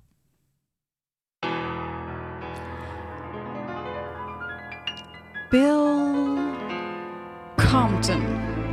Morbius. Viago. Colin Robinson. Von Count. Laszlo. Edward Cullen. Eli. Det var det. Ok. Yes. Det er altså I Will Survive i bakgrunnen. Med Edward Cullen, Twilight. Morbius. Eli. Uh, det er Twilight. Edward Cullen. Vampyrer. Vampyrer, ja. Vampire Survivors! For that er I Will Survive! I will Vampire survive. Survivors! Nice. Er det riktig? Det er riktig. Da var du fort på den, ass. Wow, men det var det hadde, jeg, jeg hadde ikke tatt Vampires hvis ikke du hadde satt uh, Edward, Edward Cullen og, og Twilight og vampyrer. Dere er Dream Team, dere, vet du. Wow! Det er ut, dette er en veldig bra Kojima-kode. Wow! Ok. Ok. Det var deilig at det gikk. Ja, det var deilig at det gikk. At Ja, vi fikk det var deilig. Vi jobba sammen. Ok. Det som skjedde med meg denne uka her, Mm. det var at Hideo Kojima tok over min body. Mm. Og så forsøkte han å vise meg, sånn som han har gjort så mange ganger før, da, teknologiens mektige fremskritt. Det er det han sa til meg. Eh, Andreas, jeg skal vise deg teknologiens mektige fremskritt. Så han ledet meg inn på chat eh, GPT, mm -hmm. den AI-motoren. Og så skrev han via mine hender Write a riddle in the style of Hideo Kojima, where the answer of the riddle is a video game. Og så ble det en tekst, en gåte. Mm -hmm. Så tok han meg inn på fakeu.com, hvor det sto Read this text like Solid Snake from the game Metal Gear Solid. Okay. Og så tok han videre til Ja. mubert.com og, sk og skrev Create ambient and dark music that conveys ambition Nei, uh, emotion. Mhm. Conveys emotion. Og fra mubert.com så kan man videre til capwing.com. Mhm. Og alt dette med teksten og, og lyden og, og musikken og sånn. Edit these files into a video that depicts a dark cyberpunk future. Skal vi se nå video? Ja, du skal se en film. Oi, dæven. Det er altså kunstig intelligens via Hideo Kojima og via min body som har dunka ut dette her på andre siden. Så nå må dere komme bort til meg her på, på denne PC-en. Og så må dere prøve å snakke inn i min mikrofon da, mens dere ser på. Så um, ta med dere headsetet uh, og se da på denne uh, videoen som jeg viser dere her nå. Dere som hører på, dere hører jo da lyden av denne videoen. In a world of shadows, where echoes guide your way. A tale unfolds where time is both night and day. A hero unseen, traversing threads of fate. Lives bound by choices, destinies that oscillate. Det er ledd nummer én i denne AI-genererte koden. Jeg tenker jeg, jeg, jeg, en eller annen grunn så tenkte jeg med en gang på um, om vi er inne i Selda, Twilight, Princess eller Majora's Mask. In a world of shadows, where echoes guide your way. A tale unfolds where time is both night and day. A hero unseen, traversing threads of fate. lives bound by choices, destinies that oscillate. Det er en vanskelig tekst her, men dette er altså skrevet av ChatGPT, denne koden. Uh, så, men det er noe med Det er both night and day. Uh, Hero, un, hero unseen. Hva betyr oscillate? Oscillate det betyr move or swing back and forth in a regular rhythm. Uh, destinies som liksom veves inn i hverandre, da. Skjebner osv. Uh, litt vanskelig. Har dere lyst til å gjette nå, eller skal dere ha neste ledd også? Jeg tror jeg må, jeg må ha et ledd til. Vi må ha et ledd Og så har jeg, sånn- jeg har lyst til å se mer. Ja, du har lyst til å se mer av filmen, ja? Det, for det er veldig creepy opplegg her. Jeg har ikke lagd noe. Dette er AI som har lagd uh, av seg selv, så nå skal vi få, nå skal vi få neste ledd også. A ladder to heavens, a bridge of the past. Connections and fractures, a world so vast. Strands interwoven, a web of deceit. Tell me, dear seeker, what game do we meet? Det er freaky at eh, ChatGPT klarer å avslutte med rim som handler om 'Tell me, dear seeker, what game do we meet'? Men jeg kan si at her ligger på en måte kjernen. A world so vast. Strands interwoven, a web of deceit. Her er til og med et uh, av ordene i tittelen er i dette. Death Stranding. Det er riktig! Vi skal til Death Stranding! Hvordan, hvordan i alle dager hvor, Hvorfor gikk du fra null til 100, på en måte? Altså, der, der jeg kanskje er best, det er jo på ordspill og dette med ord. Ja, dette med ord! Gi meg et ord, så skal jeg si noe som eh, minner meg om det ordet. Hideo Kojima spurte også ChatGPT what is the answer to this Mhm. riddle, og her er svaret. The references to a world of shadows, time manipulation, strands, connections and a ladder to heavens allude to the unique themes and elements present in the game. The riddle is describing the video game Death Stranding, created by Hideo Kojima. Å, ikke sant, ikke sant. Altså, ikke hadde jeg sant. gått på skolen nå, Ja. jeg hadde ikke skrevet én oppgave selv. Nei, det er ikke noe vits. Nei, nei. Det er så skremmende. Det er så, eh, altså, bare den videoediten der òg. Mm. At du liksom Har han bare funnet Ja, ja. bilder, liksom? Absolutt funnet bilder, latt inn teksten. Det var noe fra Stray og sånn der, Ja, så jeg òg. Putta opp rødt, rødfarge på noen av ordene. Er rått, ass. Altså, eh, funnet på gåten. Ja. Funnet musikk. Altså, den, ikke funnet musikk, skapt musikk. Ja. AI-en har skapt musikk basert på min prompt. Jeg blir helt helt på det er satt helt ut. Ja, det er sykt fett. Og eh, tusen takk til Hideo, og tusen takk eh, til Hidios ah, kropp. eh, Ja, og teknologi. Ja, dere, er- nå har dere vært gode. Vi har vært i symbiose, og jeg vil ut av den symbiosen jeg, så Ja. fort som mulig. Vil du fordi, det? ja, fordi jeg føler meg litt som ja, Cyberpunk. da At jeg Mm. har litt sånn Armen min begynner å bli metall, og Ja. jeg er ikke så keen på det. Marte, tusen hjertelig takk for at du ville være med oss. Ja, for at jeg fikk komme. Ja, det var så gøy å ha deg her. Det er um, veldig gøy å snakke med dere. Dere er så ivrige og kule mennesker, så takk. Takk det samme. Eh, hvor er det vi kan se deg framover? Hvis jeg har lyst til du er fotograf? Ja. Du, har, du kom hit til stormen inn i, i, på House of Nerds og sa sånn Nå har jeg tatt bilder av Raymond Johansen. Ja, jeg kommer rett fra det, da. Uh, men eh, ja, jeg jobber i Aftenposten fram til um, uh, måneder, ja, desember. Ja. Um, yes. Så der der, kan vi se bildene dine. Der kan vi se bildene, du- og så streamer vi jo, da. Ja. på Har du en Instagram-handle? Jeg har, eh, ja, altså jeg har en Instagram, liksom. Det er en, den heter Marte G, uten H i Marte. Marte Mm, G. Marte så G. mye spennende. Men Twitch og TV slash chubbykoti, Ja. det er uh... Og så har vi Chubbykoti på Instagram. da Den er up and coming. Den Nice. uh, må jobbes litt mer med, men uh, det er noen gullkorn der. Ja, og da tror jeg hele nærlandslaget vi skal inn der. Ja, jeg Mm. tror kanskje det. Har du noen konserter vi kan se deg snart? Ja, eh, spiller på fredag i, Wow. på Hvor er det vi skal, da? Vi skal til Vi skal spille på Fjørarock på fredag. Ja. Og så spiller vi på Frodivalen på lørdag. Ja, På John D. Yes. ALS-innsamling. Fantastisk. Frodivalen, John D. Ja. Så må jeg bare også legge til Pokémon Community Day her på House of Nerds. Nå har vi både kjelleren og første etasje. Det Ja, betyr er stor så, plass. Altså, det er så rått på House of Nerds Ja, nå. det er veldig, veldig gøy. Ja. Jeg så de Eh, malte i går. Ja, det ble, ble veldig Så bra. Så da kan dere komme og oppleve alt som har med Pokémon å gjøre. Men det er allerede Steffen Lund sin store spillquiz om en uke! Onsdag 30. august. Nice. Kom ned hit og ta del i hans utrolig merkelige hode. Eh, denne gangen så er del én formet av dere. For dere sendte inn hvilke spill han skulle skrive spørsmål om på Instagram. Så det har rent inn, så kom ned og quiz med vennene dine. Hvis du kommer alene, så gjør det ingenting. Det er det veldig mange som gjør. De finner seg alltid et lag. Jeg er her, Pia Vedalen er her. Uh, vi quizer og koser oss, så kom ned på House Nerds. Takk for at du hører på, som alltid. Gå inn på Discord og finn deg en venn. Uh, og vær, sånn som vi alltid sier, vær snill mot noen i et online-spill Ja. fram til neste uke. Har du et visdomsord? Eh, det er bedre med en fugl i hånden enn ti på taket. Nei. Er det det? Jeg veit ikke. Men jeg tenker det var hyggelig. Jeg, syns det er koselig. Ok, Ha det!